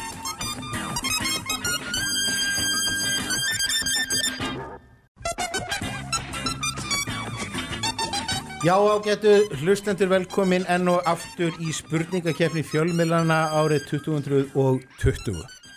Það er mikið undir 14 skörpustu fjölmilar landsins mæta til leiks og bara þeir allra bestu hafa komist í liðið. Það er náttúrulega mikill titill í bóði fyrir utan allt hitt. Ég meina, bara svo ég nefni aðgangin að kröymu, gjafakortin frá Tech og, og, og Habitat og, og skemmtipakkan okkar hérna á stöð 2 út að borða á uh, Barjón sem að eru nú búin að halda mannskapnum uppi hérna fyrir aftanauk þess sem að allir sötra bláa borðan Peroni léttbjórin sem að er uh, flæðir hérna ómælt. En ég, ég er að ná að fullkomna þessar svona duldu auglýsingar sem að tala fyrst og fremst til undir meðutundarinnar en það er jú þessi spurningakefni sem að við þurfum að sinna líka. Og hér eru tvö frækinlið. Við erum með K100 út af stöðina og, og, og menn sem hafa verið hínum eigin við borðið í þessari keppni. Þið viljið kannski kynna ykkur herramenn. Já, ég heiti Lói Bergun Eðsson Og ég heiti Sigurður Þorri Gunnarsson. Já. Stórgott. Og anstæðingarnir eru ekki að verri endanum uh, í fyrra voru fréttastofa stöðutófa bylgjunar og vísir með sameinlegt lið sem að unnu frægan sigur. Þannig að til þess að jafna metin að þá var ákveðið að skipta þessu upp. Og hér eru komnir keppendur frá vísi. Þið mynduð kynna ykkur, herramenn. Alli Íslefsson heiti ég. Já, Birgir Olgesson Velkomnir. Og þá er strax fyrsta atriði því að hér er engin rafræn bjalla, hér er ekki hlaupið í einhver, einhver ambóð, heldur er víkspurningar. Við þurfum að fá úr því skorið hverju byrja og þá er fátt betra í útvarpi heldur en strángheðuleg keppni af steittblað skæri. Og ég ætla að byggja fulltrúa beggjanliða um að á þremur þá sjáum við steittblað skæri. Einn, tveir og þrýr. Já. Já. Ég kann ekki þessar reglur en Ég held að þú hafi unnið. Þú gerir blað, ég gerir stein. Hér er gott að vera með spurningahöfund, spyril, dómara og alvald sem að er sem sagt ég sjálfur, Stefán Pálsson og ég úrskurða að vísir hafi unnið þessa fyrstu keppni Nokkuð afgerandi. Nokkuð afgerandi. Komi hér eins og eru upp tæknilega ákveðningsefni þá mun Þráin Steinsson skera úr um þau. Fyrsta spurning, við byrjum á vísi. Hún er stjórn og einföld. Hvers vegna flöggum við þann 16. november ef við erum löghlýðinir Íslendingar hvers vegna flöggum við 16. november ár hvert? Já Þetta er mjög góð spurning þær eru það flestar Já, en, en, ég var að gefa þið það takk fyrir það Hvað Ertu segir með þú? þetta? Ég er bara aldrei flaggað á æfum minni sko, þannig að ég veit ekki hvað er ég ætti að byrja sko Hvað er að gerast með, með að nóvember? 16. nóvember 16. nóvember er lögskipaður fánadagur lögskipaður, hvorki meirinn að minna herðu, hvað ætlum við að segja eitthvað með Danina eða ætlum við að, ætlum við að fara í eitthvað Ekki er þetta ammal eða, er þetta ammali Ómars Ragnarssonar eða Ómars eða Guðna eða eitthvað ég... ha. er við ætlum að segja að þetta sé ammali Ómars Ragnarssonar Það er ekki rétt, K100 Er þetta dagur íslenska tungu, er það ekki? Það er hins vegar Já. hár rétt Jónas. Já. Það er Jónas Hallgrímsson hmm. K100 Hvers vegna flöggum við 27. júni ár hvert? Það er ekki bara guðni. Ha, er það? Erum við mikið að flagga á er uh, ég, held ég, ég myndi halda það.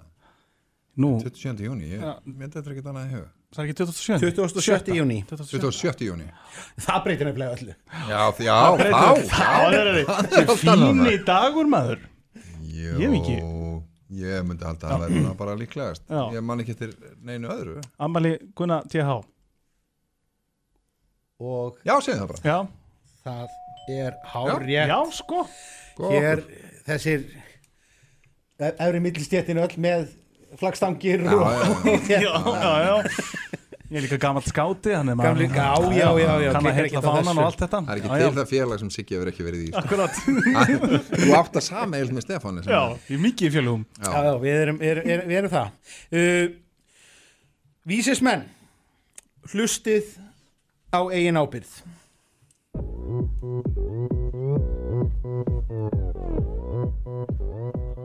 Opan Gangnam Style Gangnam Style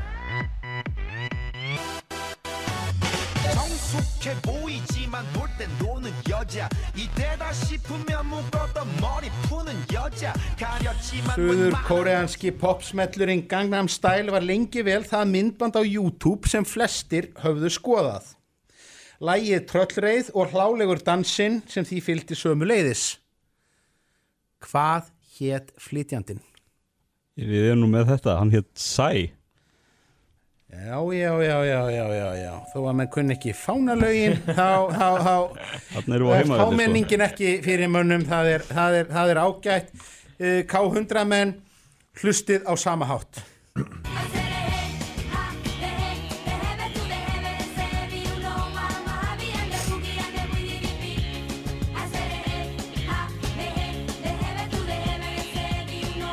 Við höldum okkur áður að þessi menn fara að dansa og mikið.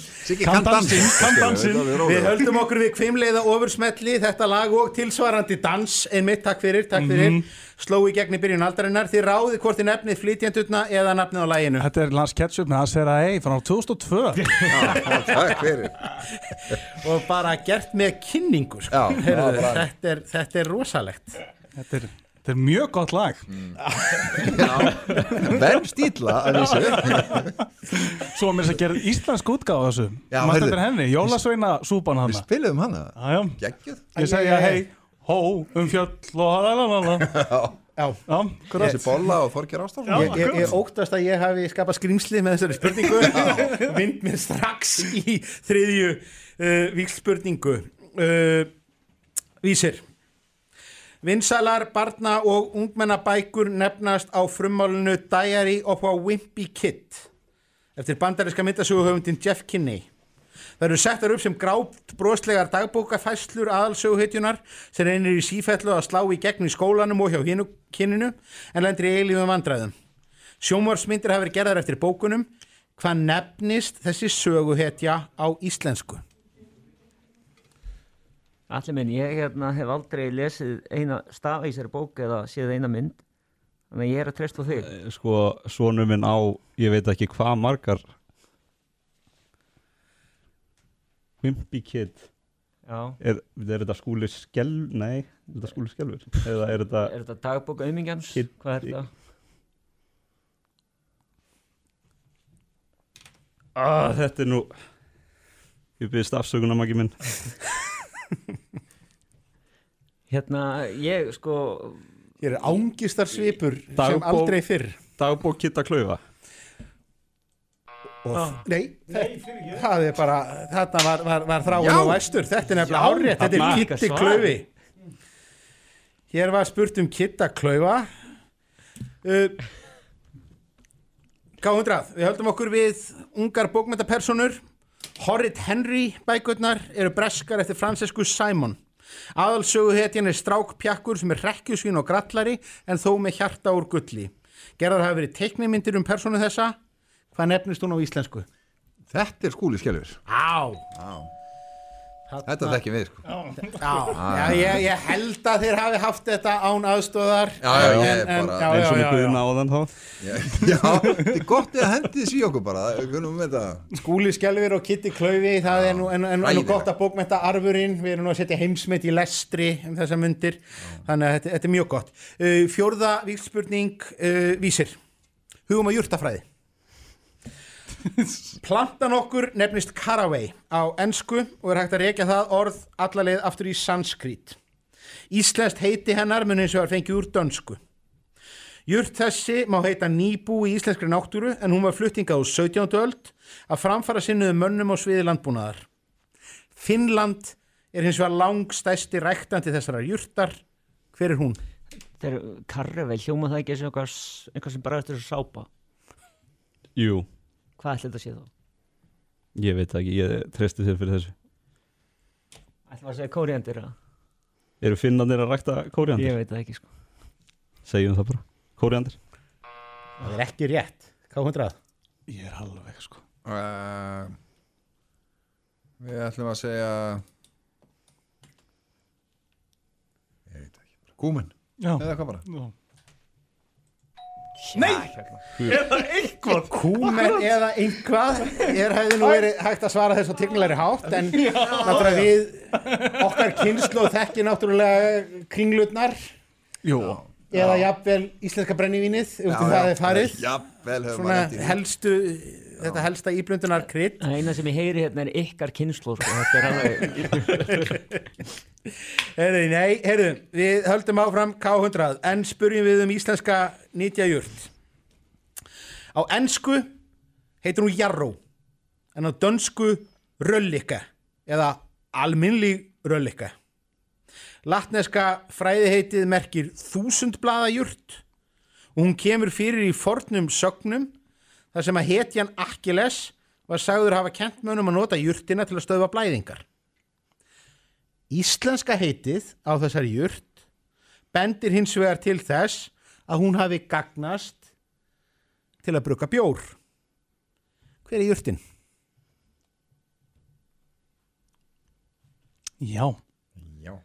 Uh,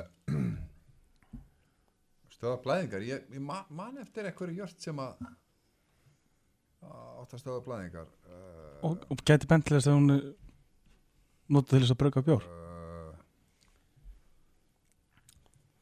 Já, ég er alveg humla einhver. já, já, bara, eða, já, eða bygg eða. Já, ekki bara að segja það, ég er ekki meira beina bygg. Það er ekki rétt svar. Vísir. Við Ég var að segja þetta Já. Við bara skjótum á blóðberg Nei, það er ekki rétt heldur. K100 fór ansi nála því að- að að- að gefa ykkur þetta yfir með því að fara að tala um humla. Þetta er vallhumall. Já! Einmitt. Já, þannig að... Já, ég vissi þetta. Nei. Já. Við vissi þetta nánast. Erum fymta víksl spurning. Vísir. Árið 1988 var enn til almennrar kostningar í Reykjavík. Kjörsóknin var dræm. En 60% greittu aðkvæði og niðurstaðan var þvert á vilja meiri hluta borgarstjórnar. Hverju voru kjósendur í Reykjavík á móti? Gegn hverju kusu Reykvíkingar í almennri kostningu árið 1988? Já, ég man vel eftir þessu. Um, Ég bjó ekki á Íslanda á þessum tíma Þetta er- dæmist Nei, þig, fjóra ára að- Herði Hvað getur það verið? Uh, uh, bygg, hvernig var maður sjá hérna, er að spá í þessu hérna Þetta fór nú alltaf íbúðakostninga En þessi hérna. Já, já, bara. Það er byggingu í ráðhúsins Það er ekki rétt. Ég er fattur 1989 þannig ég er rétt misti af þessum. Þannig að logi, ég veit þín. Eh, Sko ég, Sko, þetta er ekki flugvöllur. Bjöllum, nei, þetta er ekki Ha, flugvöllur. 2001. Já, já, já, já ég menn hvað sem það Já. Og saminninga sveitafélag að byrja eiginlega ekki fyrir en svolítið setna Það er 90s, svolítið. Já. Uh, Ég er bara 88 Það er svar Já. Kannski Ég segi bara saminningu sveitafélag Nei, nei, nei, nei, rámt Hvað var þetta? Heyrðu, menn kussu á móti hundahaldi. Auðvitað var þetta Það var sem sagt Já. Það var, það, var, það var allt gert til þess að tryggja sem allra minnsta kjörsókn en þá kom í ljósa fólk sem hataði hunda það var alveg til í að leggja Já. bara auka Já. míluna til þess að, að taka þátt og, og kjósa gegn þessu. Uh, þannig að hundahald var nú ekki löglegt eh, í Reykjavík fyrir talsett síðar. Í sama dúr K100 árið 1982 við erum enn í Íslandsögunni þá var emt til atkvæðagreðslu á bæði í bæði Akranesi og í Garðabæ á Skaganum þá var tillagan sem um var kosið samþygt nömlega en sama tillaga var hins vegar feld í Garðabænum um hvað var kosið Ég las ekki um þetta í öldin okkar á sínum tíma Nei, þetta er nú örgulega verið þarna sko Já. uh, Hvað var kosið um á Skaganum og Garðabæ? Garðbæingarnir feldu, Skagamennir samþýttu árið 1982. Hvað finnst þér líklegt að skamenn hafi samþett en gar, garbaðingar fælt? Ég sé sko mér finnst þess að bara uh, 82 Mhm. Vá, það er bara ekkert að frétta uh, Kemur ekkert? Nei, Nei, eh, við vildum samt gert að fá ágiskunni eða bara pass. myndum- Já. Já, segjum bara pass Já. Segir bara pass, hvað segir Vísir, hvað finnst ykkur líklegt? Herðu, þetta var hérna Er þetta, er hann að spyrja um kettina kannski? Já, endurlega, hendi það Kattahald Ah, góð hugmynd, en ekki rétt. katta Það er hins vegar ekki rétt. Heyrðu, það var hreinlega kosið um það hvort það mætti opna ríkið í bænum. Herðu, það var akkurat sem ég var, ég var að hugsa um eitthvað svona áfengis og frelsismál Já, Það var En samt nefnilega- á samþjóð skaganum en fælt í garð Garbæingar, Já. í vildi ekkert Garðabæ. neina, neina vínbúð en það þeir nú aldrei verið hrifnir af, af, af slíku sko. Það er nýkonum með ríki bara sko. Nýkomnir með ríki Hvað er það? Heyriði Það er jábygglega þarna í þessum eina kjarnar sem það hafa já, já, já. Það er nú bara hjá Íka, eða ekki? Costco? Já, hlýtur að vera Já, Jó, svo það Heyriði, en við tökum þá uh, síðustu víksl spurninguna svo koma námynda spurningarnir í lokin uh, við heyrum tóndæmi vísir þeir hlustið á undan við heyrum rödd þekkts Íslandings en til að gera þetta pingu lítið erfiðara þá spilum við hana aftur á bakk Bueno, perché ma te sprava io sto sta cazzo la di gwin. Se dei viking lui mi mi nazione sale fanno ronda un bloflega. Það eru við eða ekki sem að Það eru þið, hver talar? Þetta fljómar eins og Bói Ágússon Ég er formaður Norræna félagsins á Íslandi. Ég hef mjög lengi verið. Ég geti spilað þess að rödd í þekki hana. akkurat Það er, það er vel aldrei skemmtilegt með þessar rættir að sumar eru bara algjörlega eins fram og tilbaka og jafnvel meira vít í því sem margir segja Já. aftur, aftur á baka, það er farið Heyrðu, við skulum sjá hvort að K100 dettur í sama lukkupott. Við heyrum rödd aftur á bakk Roland Dome eller Abraham Lohian Dome var numska hada i resmen sin urgrat va degna me da i thar numska hakne om lat dip son det var det om mar för mokka va med sem litt mun kall med þeim mit nus loska ekki en Þú ert strax komið með eitthvað ágiskun, ég er alveg tómur. Já, ég held að þetta sé Gísli Martins nefna morguns. Aha, Já, ég held það. Er það? Já, Heyrðu, við skulum heyra, við Það er skulum rétt. heyra hérna rétt útgáfuna En uh, ég tek svolítið undir með þeim læknum til þeim sem hafa komið morgunrödd. eru Þetta er að- snemma morguns. Vel gert, það var- voru vísismenn með þetta? Nei, ég var með Elís Pólsen Það er engin Gísli Martins nefna Það var morguns. Hérna Heyrðu, þetta er, þetta er, þetta er magnað, þetta er magnað. Uh, og nú hafa Þetta er eiginlega alveg ótrúlegt sko. hér er ekki um menn að eiga ég, ég held að vísismönum er ákveðið ákveði morgun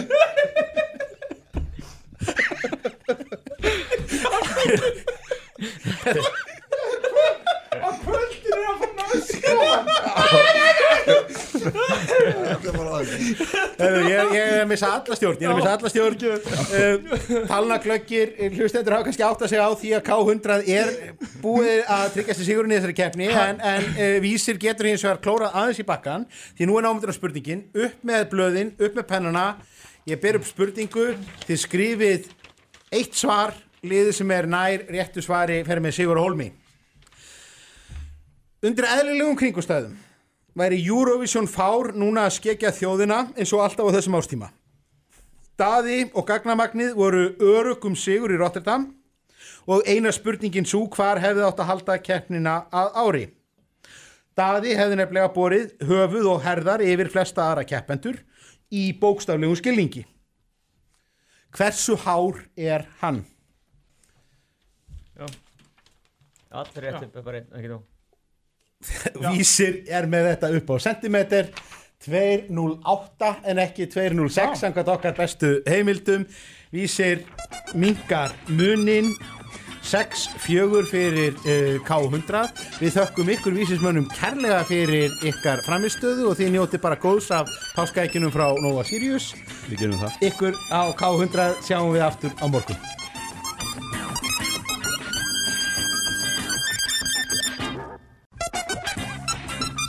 Jæja, ágættu lustendur, við höldum áfram með spurningakeppni fjölmiðlana 2020. Uh, fyrsta umferð hér á skýrdegi og æsast leikar. Uh, það eru tvö lið sem að hafa bara já, oft náð, náð góðum árangri hér á, á síðustu árum. Uh, það er annars vegar stundin, uh, ef þið mynduð kynni ykkur gott fólk. Já, ég heiti Anna Lilja Þórisdóttir. Ég heiti Freyr Röggvaldsson. Og mótæriðarnir eru fréttastofa Rúf og þið eruð Hallgrímur Indriðarsson. Og Þórhildur Þorkelsdóttir. hjartanlega velkomin uh, svona svo maður rom sig út úr sér svona fréttum og, og, og, og, tilkynningum.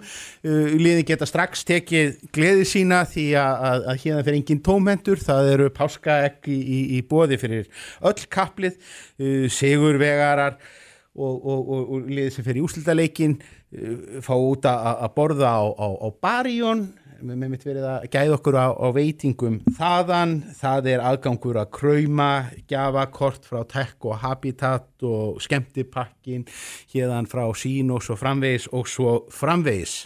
En það sem við þurfum að gera er við þurfum að fá úr því skorið hvort liðið byrjar. Því að hér er notastu hefbundið víksl spurninga fyrirkomulag og það er engin rafræn bjalla. Þannig að ég ætla að byrja liðin um að fara í steinblað skæri og bara gjöru þessu vel á þremur. Tveir og og aftur, einn, tveir og einn, tveir og einn, tveir og. Þar, já. Þar er, er það ljósta að, að við látum stundina hefja leik. Annað eins útvarp hefur ekki sést þrý framlengt í steinblað. Skæri við, við, við munum nota þetta í auglýsingaklippuna. Eh, við erum ke kerð hérna. Eh, stundin. Hvaða mánuður sem væntanlega vísar í sláturtíð byrjaði á fyrsta vetradegi samkvæmt gamla íslenska tímatalinu?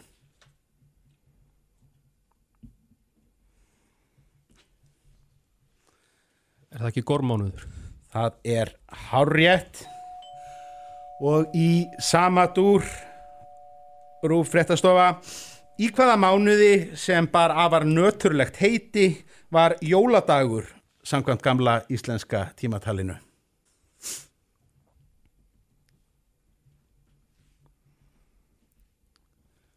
Fáum við svar? Uh, ætlum að skjóta á einmánuður Það er ekki rétt Stundin Við skjótum á Þorra. Það er heldur ekki rétt. Mörsugur. Sem er nú svona, eins og ég segi, fell, fellur undir skilgreiningun á nöturlegu heiti. Þá er, er reynlega sígur mörinn úr, úr, úr skepnunum. Uh, Þetta er svona fytursóksmanur. já, já, eru, þetta, þetta, sennilega sæði með þetta í jákvæðara ljósi. Í, í kjólinn fyrir jólin. Í kjólinn fyrir jólin, já, já.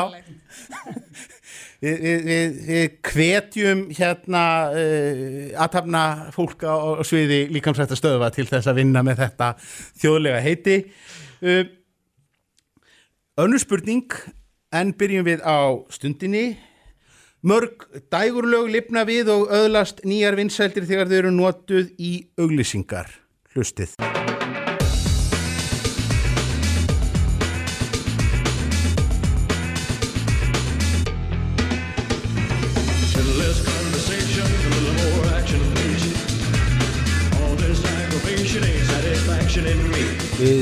Heyrum hér glefsu úr læginu A Little Less Conversation sem var samvinnuverkefni Junkie XL og Elvis Presley raunar eftir dauða þess síðan nefnda. Hvaða bandaríska stórfyrirtæki nýtti þetta lag til auglýsinga og gerði heimsfrækt á ný?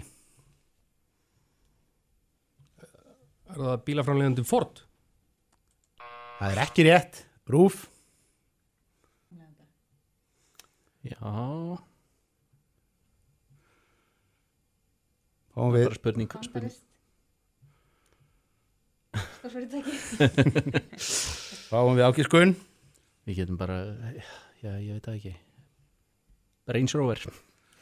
Það er heldur ekki rétt og, og, og það hvað markaðsöflin hafi ekki sterkari stöð en þetta kætir mjög þann sem að hér stendur. Þetta var reynlega næk auglýsing sem að þetta var keirt í mjög greimt. Við heyrum annað auglýsingalag, uh, Rúf fær að spreita sig á undan.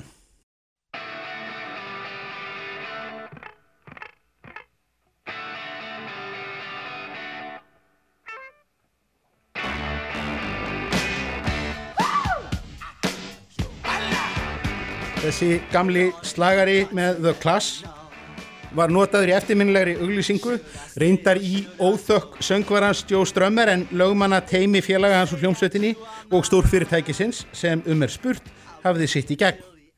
Hvert er stórfyrirtækið? Við bara horfum svo lítið á ölsingu. Já. Þetta er, ég, sé ekki enn. Eitthva, sko þetta er eitthvað svona, eitthvað móbæl. Já, þetta er eitthvað sem hreyfist. Já, sér að stega sér og gó, gefur auðvitað leið. Auglýsingateilt sína rýfur hársitt og skegg að heyra þessi viðbröð. Við fáum ekki Þetta- ákiskun frá, frá Rúf. myndi, þetta er einhvern ég myndi ég segja bara já, mér finnst bílaframlegandi nokkuð svona logíst þarna, ekki segja Hyundai bara til að segja eitthvað Það er ekki rétt stundin. Heitlandi að segja bara Ford aftur Gerum það? Já, það verður ekki réttara fyrir því. Heyrðu, þetta voru kunnar auglýsingar frá hérna Lífæs uh, Galabuxnaframleðandanum og, og hérna sem að komu þessu lægi aftur á, í efstu sæti vinsældalista fyrir, fyrir margt löngu. Heyrðu, við staðnæmust ekki við, við, við þetta. Uh, þriðja uh, víkslspurning stundin. Velunin Íþróttamaður ársins hafa lungum verið skömmuð fyrir að vera of karlæg. Fyrsta konan Sigriður Sigurðardóttir hlaut þau árið 1964 en svo liðu 27 ár þar til næst koma konu. Svo var Akurnesingur og hlaut titilin árið 1991. Hver er konan? Ragnar Runálsdóttir. Það er hár rétt. Og í seinni tíð hafa þessi velun líka verið gaggrínt fyrir að snúast um of um fótbolta. En það var ekki alltaf svo, Rúf. Það var nefnilega ekki fyrir í átjánda sinn sem velunum voru veitt að knattspyrnumadur var fyrir valinu, sá var keflvíkingur og síðar kunnur þjálfari. Hver er maðurinn? Guðni Kjartansson Hár rétt. Eitthvað gruna mig reyndar að annar keppandi Rúf hafi, ha- hafi nokkra sérþekkingu á spurningum um íþróttamann ársins. Já, ég ávist að hafa skrifað bók um þetta. En sann- sannast hér að, að, að, að spurningar eru ekki sér valdar ofan í keppendur. Uh, Já, nema svo sé. Það, er, það, er, það verður tekið upp þá við, við önnur yfirvöld. Uh, Við erum ekki með að gefast alveg upp á að kanna mátt auglýsingana því þetta er spurninga kemur fjölmiðlana og þegar öll er á botnin kvort þá snúast allir fjölmiðlar um það að selja auglýsingar Hvaða veitingastaður auglýsir ætíð með slagorðinu alltaf fersk? Snöndin. Hver er alltaf ferskur? Hvaða veitingastaður auglýsir ætíð með slagorðinu alltaf fersk? Stundin.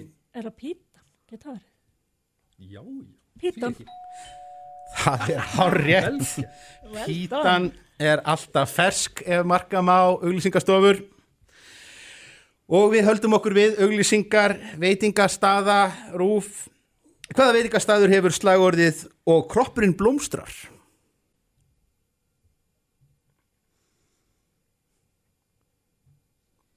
Þetta er eitthvað, eitthvað sem einhver sem þykist vera með eitthvað heilsufæði, það er nokkuð ljóst.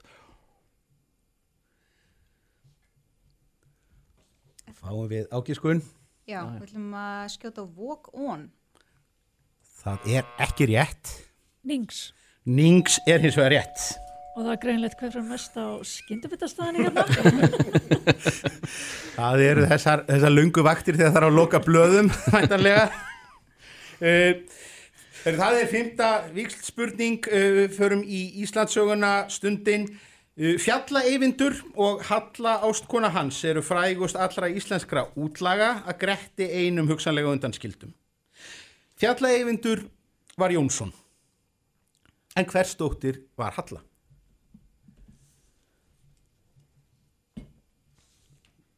Okkur til að segja hún hafi verið Jónsdóttir Það er bara hár rétt eins og nánast allir íslendingar á þessum tíma reyndar, ekki fjalluðu í þá gildru Við höldum okkur við föðurnöfn óbúta fólks eini almennilegi íslenski raðmorðingin er Axlarbjörn sem gaf orðinu ferðamanna innaður alveg nýja merkingu á 17. öld með því að veita fólki gistingu og drepa það svo unnvörpum Hvers svon var Axlarbjörn?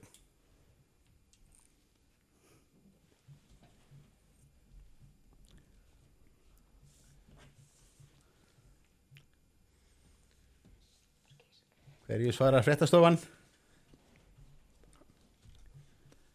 Það voða freistandi að, að hérna, hann hafi verið Jónsson. Það skýtur ekki alltaf í sama hotni sko. Nei, það er ekki rétt uh, stundin. Var ekki Sveinsson? Ekki heldur, hann átti eins og svon sem hétt Sveinn. Ah, Sveinn, já, svon. Uh, já, hann var Pétursson. Axlar Björn var Pétursson.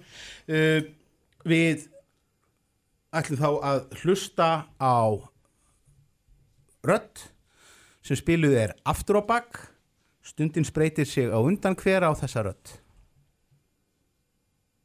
När de släpper sin verksamhet där de släpper där bilar med en och vi bilar någon där som testar där med sann i vissa trappor dörrarna dis Vá. Vá, vá, vá.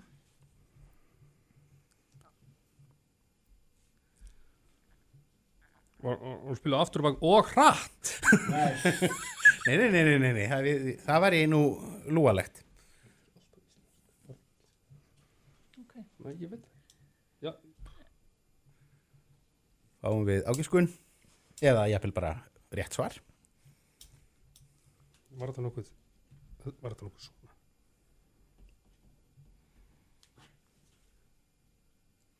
Getur þetta að hafa verið Bjarni Bendisson? Það er ekki rétt, rúf. Getum við ekki að heyrta aftur? Já, hvað, hvað, hvað segir þráin?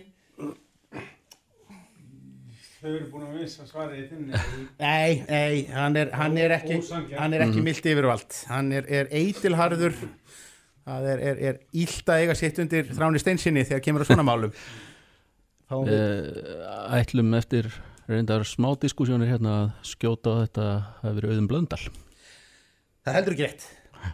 Fáum við að heyra Uh, síðan er það auðvitað bara þessi vinna sem að við settum á stað núna líki vikunni sem að lítur að Ah, Hér er barnamálar á þeirra ásmundur Einar Daðarsson. Við heyrum aðra rödd og aftur er hún leikinn aftur á bak og rúf spreyti sig undan. Þannig að maður selta sér því að það er á sig á sig annars er ég og það er stegin á mig. Hún er okkur sem í ekki bress og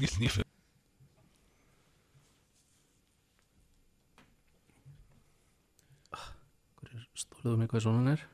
Já, hver Já, hver talar hér? Uh, ætlum að segja það sé hann hérna Gunnar Bræði Sveinsson. Og það er hárétt Þá er komið að loka spurningunni liðin skulu nú ná í blöð og penna því þetta er námyndun á spurningin Þið skrifið svar og stíið fer til þeirra sem að nær eru réttu svari Pósturinn stendur í ströngu og hefur þurft að gera miklar breytingar í sínum rekstri og alltaf senda færri og færri bref En nú er spurt Hvað er lægsta burðargjald fyrir stakt bref innanlands 50 grömm eða minna? Hvað er lægsta burðargjald fyrir stakt bref innanlands hjá póstinum? Skrifiði tölu á blað og svo ætla ég að byggja ykkur um að rétta þau á loft. Þessi. Já, ég held það. Ef þetta er, ef þetta er, ja, en er þetta ekki, þetta er ekki, þetta er ekki bara eitthvað svona. Og þrýr, tveir, einn, þetta nefnu upp. 50 krónur og 120 krónur segir Rúf sem er öllu nær lægi. Það eru 195 krónur. Þannig að þegar þið ferðist, inn, sko. þegar þið ferðist innanlands í sumar og sendi postkortið frá Akureyri, þá mun það rífa í veskið. En þar með liggja úrslitin uh, fyrir. Stundin vinnur hér Sigur 3-5 eða 5-3 og mætir aftur og, og Rú verður að gera sér páskaekki sitt að góðu.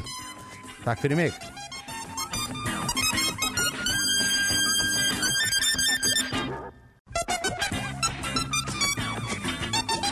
Jæja, góðu lustendur, við höldum áfram með spurningakeppni fjölmiðlana árið 2020 og uh, harðsnúin lið eru mætt til leiks.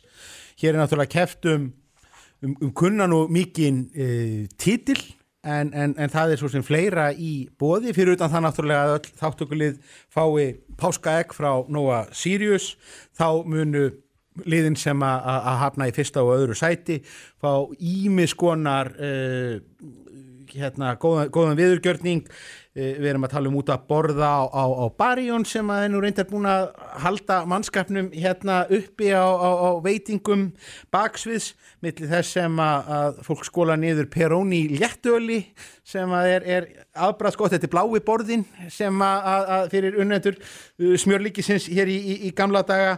Það verður aðgangur fyrir tvo í kröymu, það eru gjafakort frá Tech og, og, og, og, Habitat finnst ykkur ekki aldrei skemmtilegt hvað ég svona smegi þessum auglýsingum svona límskulega undir ratarinn Ég, það, ég maður reyna tók ekki eftir því að þú verður að- fara með auðvisingar, sko. Þetta þetta, er, þetta, þetta, er, þetta er margra ára æfing og það eru starfsmenn uh, útvarpsluta rúf sem að vera hér fyrst fyrir svörum ég myndi byggja ykkur um að kynna ykkur Og ég heiti Baldvin Þór Bergson. Og ég heiti Vera Ílúadóttir. Vera er frægar en ég og, og betri í spurningakefnum, þannig að, að ég treyst á hana. Mér er nú samt aldrei gengið vel í þessari kefni, held ég. Nei, þessi, þessi reynist mörgum erfið sko uh, fariðum við að völl og, og svona en, en, en hér eru hins vegar spurningaljón einmitt á móti, útvarp saga hefur nú oft staðið sig uh, vel uh, hér er til dæmis maður sem að lagði þannig hér stendur að- að að velli í þessari keppni á sínum tíma Já, það, síðan eru liðið nokkuð mörgar. Já. Skulum hafa það, halda því til haga líka. Viljið þið kynna ykkur sögumenn? Já, ég heiti Markus Þórhaldsson. Já, ég heiti eh, Rúnar Þór og þú myndist ekkit á hérna djöflarótt. Hvaðan kemur þetta? Heyrðu, þetta er nýr uh, ofur góstrykkur sem að, að ég held að, að, að ölgerðin standi fyrir og þetta Er sé hægt að bara- kaupa í, í, í betri verslunum. Er bara að tala um það sem er áfengt. Já, það er svona það er svona. dýrkunin end, endalust ja, ég heiti Rúnar Þór Og Rúnar Þór er frægar en ég Já Goggunaröð allra keppenda er þá komin á, á, á, á, á reynd. Sjálfur heit ég Stefán Pálsson, er uh, spurningahöfundur, uh, dómari, spirill og, og, og alvaldur. Nema varðandi tæknilega atriði þá ræður Þráinn Steinsson öllu. En við skulum bara dempa okkur í þetta. Það fyrsta sem við þurfum að gera er að við þurfum að fá úr því skorið hvort liðið byrjar vikslspurningarnar og þá, vegna þess að við erum í útvarpi, grípum við að sjálfsögðu til hinn síkilda leiks steinblað skæri. Þannig að Markus og, Vera, ef þið mynduð vilja etja kappi á þremur. Og, Vera vann eins og vennulega og almanna útvarpið byrjar. Uh, Sú var tíðin að listaháttíð í Reykjavík var helsta vonin til að fá alþjóðlegar stórstjörnur til að tróða upp á Íslandi. Einn slík kom fram árið 1980 og ætlaði þakið að ripna af lögadalshöllinni. Listamæður þessi var klárlega frægur á, sínum, á þessum tíma en fræðasól hans átti þó eftir að rýsa enn hærra áratug síðar, ekki hvað síst í tengslum við alþjóðleg stórmót í íþróttum. Hver var stórstjarnan? Já, já, vel. Rúf.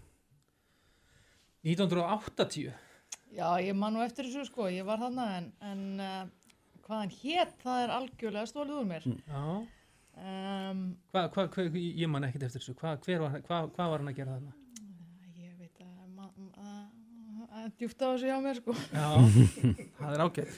Sko það er góða við svona keppni er að, er að hérna, maður getur bara haldið, haldið hérna heinuliðinu og, og dómundum bara og, svona, maður með þá í taumi með því að, að, að spjalla um þetta. Við höfum nægan tíma. Uh, Já. já. 1980. Hvað var að gerast þá? En svo verður hann frægur 19, um 1990 fyrir eitthvað íþróttatengt. Þá Já, var vissulega frægur strax 1980 en verður kannski enn meiri stórstjarna án þess að ég vilji fara að endur taka spurninguna. Þá var einhver keppni, íþróttakeppni í gangi og, og viðkomandi er með eitthvað lag sem að slæri gegn á hausvísu, tengslu við lagið, Já. getur maður ímynda sér. Nú eru íþrótta, alþjóðleg stórmóti í íþróttum, ekki Já, mitt sérsvið. 1990. Ég hérna, Fáum við ágiskun frá Rúf útvarpi. hvað var- Að fela kúti.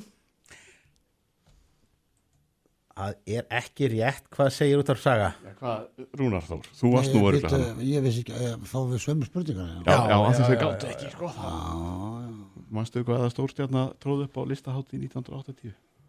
Þannig er ég eiginlega bara að skemmta mér á þessum tímabili Já. sjálf í bæ. Ég fór eiginlega aldrei svona ofalega í bæ. Að, Já, þú meina það? já, ég held að þessi var frá hjá mér. Já, bara. Svo grípum við öllum höfuð okkar segjum já auðvitað um leið og svari kemur við að reyna eitthvað? Hver Var var- frægur, var, hvað sagður, hann var frægur 1980. Já, hann var býstna frægur þá og varð ennþá frægari síðar. Þetta er svona einn af þeim stærri sem að hefur, hefur uh, tróðið hér upp, en nú verð ég eiginlega bara að fá svar frá sögu. Já, ég hef ekki humdu hvernig þess. Ég, ég passa bara á þetta. Já, þá fáum við hið hryllilega rámt svars hljóð. Ah. Heyrðu, þetta var sjálfur Pavarotti. Já, auðvitað. Já, já, já, nú man ég eftir þessu. Geggjaði tónleikar. Pavarotti kom hérna og, og, og svo, svo uh, söngan þegar að, haldið var HM í fótbolta og, og, og olimpíuleikar og annað slíkt tenoratni þrýr og Og allt það. Já, já, já, og allt það, en já. Saga, þið fáið spurningu á svipuðum nótum, við höldum okkur við stórstjórnur á listaháttíð. Árið 1990 voru haldnir eftirminnlegi tónleikar í lögadalshöllinni, Bubbi Mortens var uppbytun á númerið, en klukkan 10 steg stórstjarnan á svið.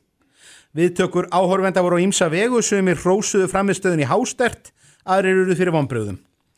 Til að bæta gráun og svart höfðu flestar fréttir í aðdraganda tónleikana snúist um hversu erfið stórstjarnan væri í samskiptum og liti hafa fyrir sér með alls konar kröfum sem erfitt væri að uppfylla. Hver var listamæðurinn? Ég held að þetta sé Nobelskaldið Robert Zimmermann. Bob Dylan. Það er hár rétt. Og muniði kannski eftir því hver, hverjar voru þessar svinslegu kröfur? Nýma það nú ekki en hann fórum allt á reyðhjóli. Hann fórum allt á reyðhjóli og hann gerði kröfur um það að drekka Budweiser bjór Já. úr flöskum með sérstaklega lungum hálsi. Mhm. og það var nú ekki í innkaupa kerfi áfengis og tópaksverslun ríkisins á þessum tíma og, og, og reyndi mikið á skipuleggjendur Að tegja á flöskunum. Tegja á flöskunum. Uh, það saga tekur uh, fórustuna en örvæntið ekki uh, rúf fólk við heyrum lagstúf Krakkar mínir, krakkar mínir, þegar ég á sjónum var Komst ég oft í krappandans og eitt sinn nær til ans Þetta var úr upphafslægi plötu Rekkjusvínana lög unga fólksins. Hver var höfundur textans? Já, rekkjusvínin. Það voru náttúrulega ýmsir sem koma að henni. Uh, Já. Það er- hugsaði einhvern veginn alltaf um alltaf eitt sem einhvern veginn kemur upp í hugan það kemur að barnatekstum frá þessum tíma sko en hvort að það er nei, það er þetta er snarlega sleið út af borðinu af makkertum Ja, þetta er, þessi uppástunga er vegin og leta ekki fundin. já, já, það er hérna og það er bara þannig Það er bara þannig. já, rekkjusvínin sko þetta er hérna þetta er hérna, þetta er svona eitthvað, Það er sama skáld sem að gerir alla textana á þessari plötu. Nú er hins vegar afar gott að fá svar. Er þetta eitthvað sem bjóluna? ekki, ég veit ekki. Það sér hvernig hún hugsaður. Það gerist þegar fólk vinnur lengi og náið saman Já, þetta er aldrei gott. Tekstanir eru eftir bara uh, Pétur Gunnarsson. Það er horrið. Þeir, þeir sér vombriða svipurinn á, á, já, já, þetta var á blaðinu. Já, það er margt, margt sem er á blaðinu. Viltu fá blaðið? Nei, ég rengi þig ekki, Markus uh, En aftur heyrum við sígilda barnaplötu, saga. Við erum lettir með popp og prat á eistur velli og fattur dregur upp lútu sína í einum kvelli og við kyrjum svo hátt að heyrist um allan bæinn. Hattur og fattur komnir á greið Já, þetta er sem sagt úr upphafslægi plötunar um hatt og fatt og sem fyrir spurt Hver er höfundur texta? Við ætlum að Við vorum að byrja saman bækur okkar og meðan við hlustuðum á þetta fagra lag. Við ætlum að gíska á Ólaf Haug Símónsson Og það er hárrétt Já, Markusi. Íþróttir oh. Þriða spurning, rúfa undan sem fyrr Rúnar, nú koma þér Í hvaða hópíþrótt er Áltanes í efstu deild í bæði karla og kvennaflokki? Áltanes í efstu deildi sko, ég held að um, já, það er góð spurning. Ég veit ekki hvað getur það verið hérna, já hvað er skildin sem hópíþrótt sko? Er, er, er, það, það, það, sko, er það hópíþrótt ef það er liðakeppni þótt að, þótt að eitt keppi einu? Við erum að, að tala bara um mjög hrinnræktað hópíþrótt. bara hreinrætt að hópíþrótt? Já, ég veit það ekki. Um, þá Ég hreinlega veit það ekki. Uh,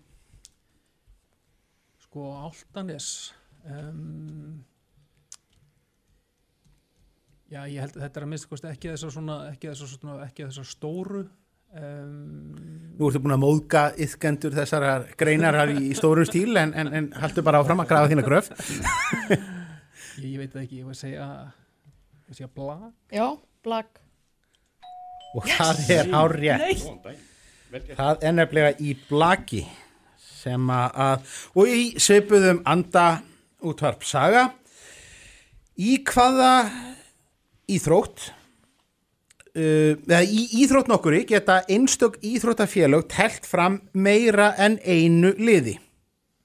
Afleðingin er svo að íringar eiga um það bil helmingin af öllum liðum í efstu deild bæði karla og kvenna.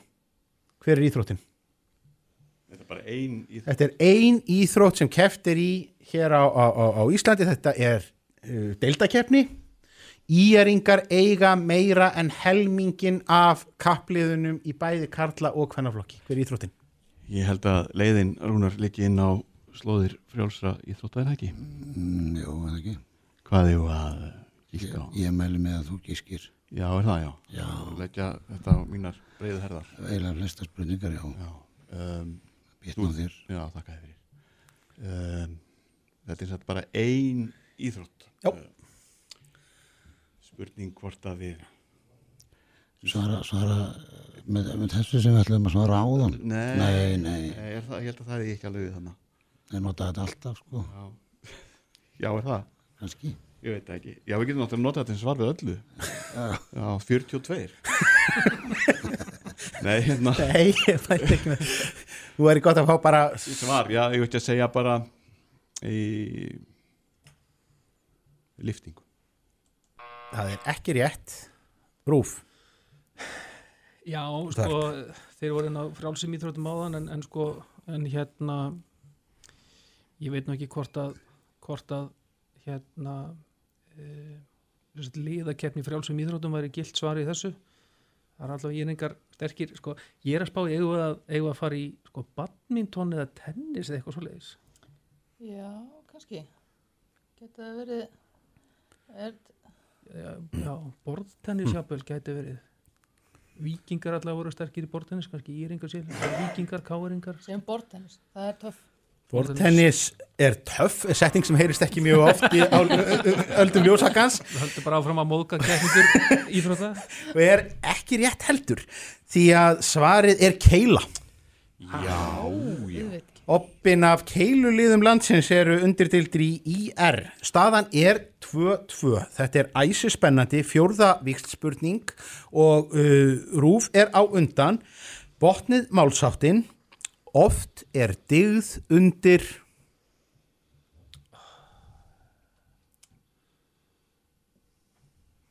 Já, já. Oft er dyggð, oft er dyggð undir...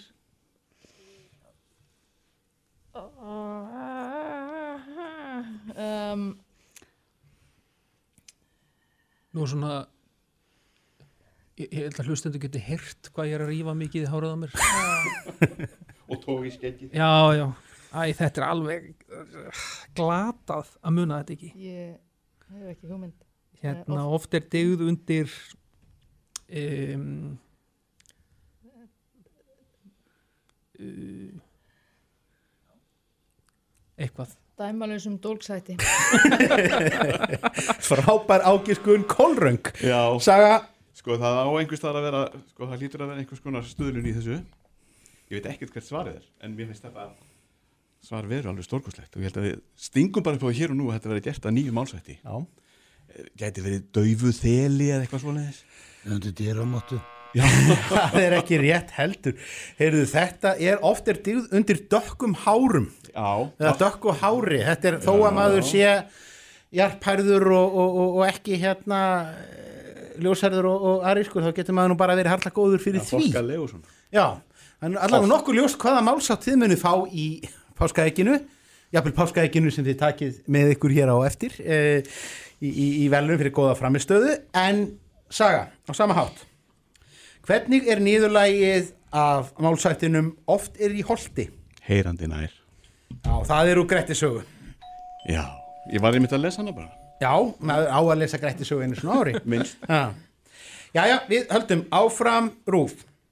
Alþjóðasamtök og hreyfingar eiga sér oftar en ekki merki. Hvað sýnir merki mannréttindasamtakana Amnesty International? Uh, er það ekki, uh, það er einhvern penni eða kindill eða eitthvað svona dæmi? Já, er þau með- Gattavír, er það ekki? Uh, Jú, er það ekki, er. svona, ki- er svona kind, eða kindill eiginlega, er það ekki? Í, já, Vafin einhverjum vafinn í gattavír, Já. gu, gult og, og svart. Uh, ég held að þessi kindill, en Já, ég- ég er vissum að Ég að ég held nú að dómarinn hljóti að, að, hérna, að gefa rétt fyrir, rétt fyrir þetta kindill, Við munum gefa rétt fyrir þetta, þetta er kerti, logandi kerti sem er vafið inn í gattavýr en þetta er alveg klárlega fullnægjandi svar. Segji það við fólki með, með heikvíslarnar og, og kindlana. Já, já, sögumenn, þið hafið möguleika á að, að ná fórustunni aftur. Uh, World Wildlife Fund eru kunnustu dýravendurna samtök í heimi. Þau hafa einkennis dýr sitt í merki sínu. Hvaða dýr er það? Panda. Það er líka rétt.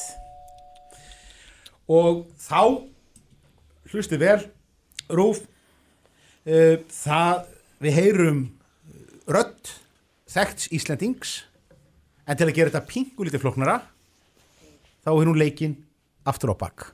Hver talar? Það er ekki slá skýlsa. Það er ofis að fara á leifinu í þorf. Amítmögus og lagði í trík som lesa ham satt sig inget lader og lagði vergilir det fuggvila. Já Það var sko tvent sem að einhvern veginn sko skaut niður eh, fyrst þetta sem ég er að skrifa hér niður og svo þetta hér. En ég, það var einhver það var einhver, ég veit að það var einhver áhersla þarna sem ég fannst minna mig á á þessa herramenn. Já, þetta myndi, mér, myndi ég trúa mér þetta nú aðalega höfum hérna vinnur okkar Já, herðu, nei, þetta er rétt Ég held að þetta sé rétt hjá þér uh, Var þetta Víðar Reynisson? Það er ekki rétt, út af saga. Hvað segir þú? Þú ert með einhverja ágískun Rúnar. Já. Þú ert svo vanur að vinna með rattir. Já, það? Já, söngrattir helst. Já, þetta var nú ekki mikið söngrætt. Nei, það var ekki brestur í því. Þá skulum við vona, vona að Þetta er tekið sveitartónlist. Svo svipar háherslur aftur á baki eins og Davíð Oddsson er með áfram. Við getum svo smalið skískað á það. Já, mér finnst þetta samt ekki vera hann, sko. Fáum við, fáum við svar frá Ég fékk sögu? ekki þessa rödd. En við, þetta er náttúrulega, sko þetta var sérstaklega vandræða þetta held ég í fyrra. Þegar við þekktum ekki bara. Karlsdóttir aftur á bak. Þið þurftuð ekki að rifja það upp en titlar hún okkur manni, nei. Nei, nei, það, það, það kemur bara fram eftir kunnur Íslendingur en ég vil fá Já. svar frá sögu núna Oddsson. Eða pass Já. Nei, við segjum aldrei pass. Þið segja aldrei pass Nei, Davíð. Davíð segja þeir, það er ekki rétt Við skulum Það heyra líkur fyrir líka viðtal frá fórsett alþingis þar sem að hann segir með skýrt í viðtali á svipum tíma frá því núna februar á þessu ári að, Hér að er, slík er Björn Levi Gunnarsson, þingmaður Pírata Já. að, að tala Hann ætti að tala svolítið ákveðn. og Já, já, hérna kemur, kemur ljós að hann er, er, er í það minnst að torskilin aftur á bak uh, Og Thor þekkjanlegur. Saga, við skulum aftur heyra rödd, svona kannski úr sama að gera Da satte vi av en og lofa eða það kærrykk og þannig með að Það sagði viðreisn allavega. Nú vantar okkur matta matt. Hvernig sem hann fór að saman. Uh, ég veit það ekki. Uh, Þekkir þú hennan? Þetta er Karlmaður. Ja, Ég sagði það reyndar í fyrra líka. Já, þetta er kallmaður, já. Uh, Ungur kallmaður. Svona tiltölulega. Já, færtult. Já. Þannig sé ekki svona frekar eh, svona digður þó dökkarður sé. Þetta er... Þetta Hér, hér reyna að menna að Þetta er ykkur stjórnmála... nota kontrapunts aðferðina Já. en Góður ekki bortennis? Bortennis er einn skemmtilegasta íþróttast. Erum við í mið-Evrópu? Turingor lít österut. Þetta er, gæti verið hann hérna... Mig grunar að keppendur séu að, að tegja lopan erum að því sér tíma En ég ætla að leifa Rúnar Þór. Ég vil fá svarið, Rúnar Já, ég bara uh, fatt, fatt ekki þetta er. Nei. Ég segi pass. Þetta- Þið segir pass Ég sko, ef að giska á Andrei Singa Næ, það er líka rám Mér fannst þetta nefnilega svolítið vera hann. Já, en nú skulum við heyra hins vegar rétta svarið frá einn Já, ég menna þjóðgarður þýðir ekki að þú gerðir eitthvað svæði af og, og lokir því þjóðgarður Það þýðir í rauninni. Já, til skamstíma Já, þess- já, já, já, það er, það er búið, það það er er umhverfis já. sjálfur með mig Og annar ekki þingmaður og nú hins vegar útskýr ég hinnar æsilegu keppnisreglur Nei. Vegna þess, og það er ein spurning eftir. Útvarp saga hefur einstiks fórustu, fjögur þrjú. Við tekur námundunarspurningin, oh. hins vegar er það ljóst að sé jafnt, þá mun liðið sem að tekur námundunarspurninguna fara með sigur af hólmi. Þannig að hér er allt undir hjá Rúf útvarpi. Ég les upp spurningu, liðin taka blað og penna, skrifa svar og það lið sem er rétt, nær réttu svari hyrði stíð. Þarf það að vera alveg upp á punkt og prigg Já, sko, nám- námundin- Já, já, námundin, já, já, já, já, auðvitað En, en auðvitað má svara hárétt. Já, takk Það er ekki nota gegnmunum. Ekkert er örugt í lífinu nema dauðin og skattar, segir einhver staðar. Og það er ekki einu sinni rétt. Því það er alltaf verið að hræra í sköttunum. Og nú er spurt. Hver er mánaðarlegur persónu afsláttur á Íslandi? Hvað er mánaðarlegur persónu afsláttur hár á Íslandi?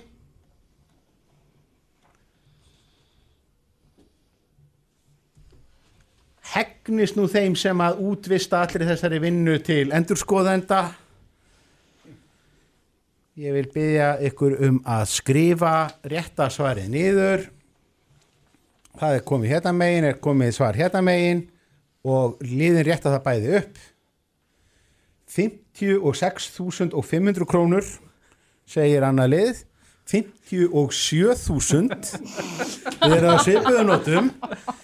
Rétt svar er 54.628 krónur og saga vinnur þetta með minnsta mögulega mun.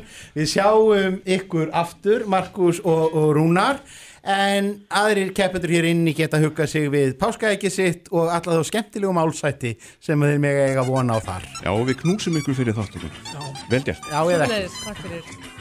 Og þá liggja fyrir úrslit þessa fyrsta dags í spurningakeppni fjölmiðlana. Við höldum ótröð áfram á morgun, förstu daginn langa, með fjórum viðregnum þar sem að átta lið eigast við. Það verða morgunbladið, viðskiptablaðið, útvarsluti sínar, stundin, bændablaðið, útvarssaga, K100 og byrtingur. Verið öll rækilega stilt á morgun klukkan fjögur.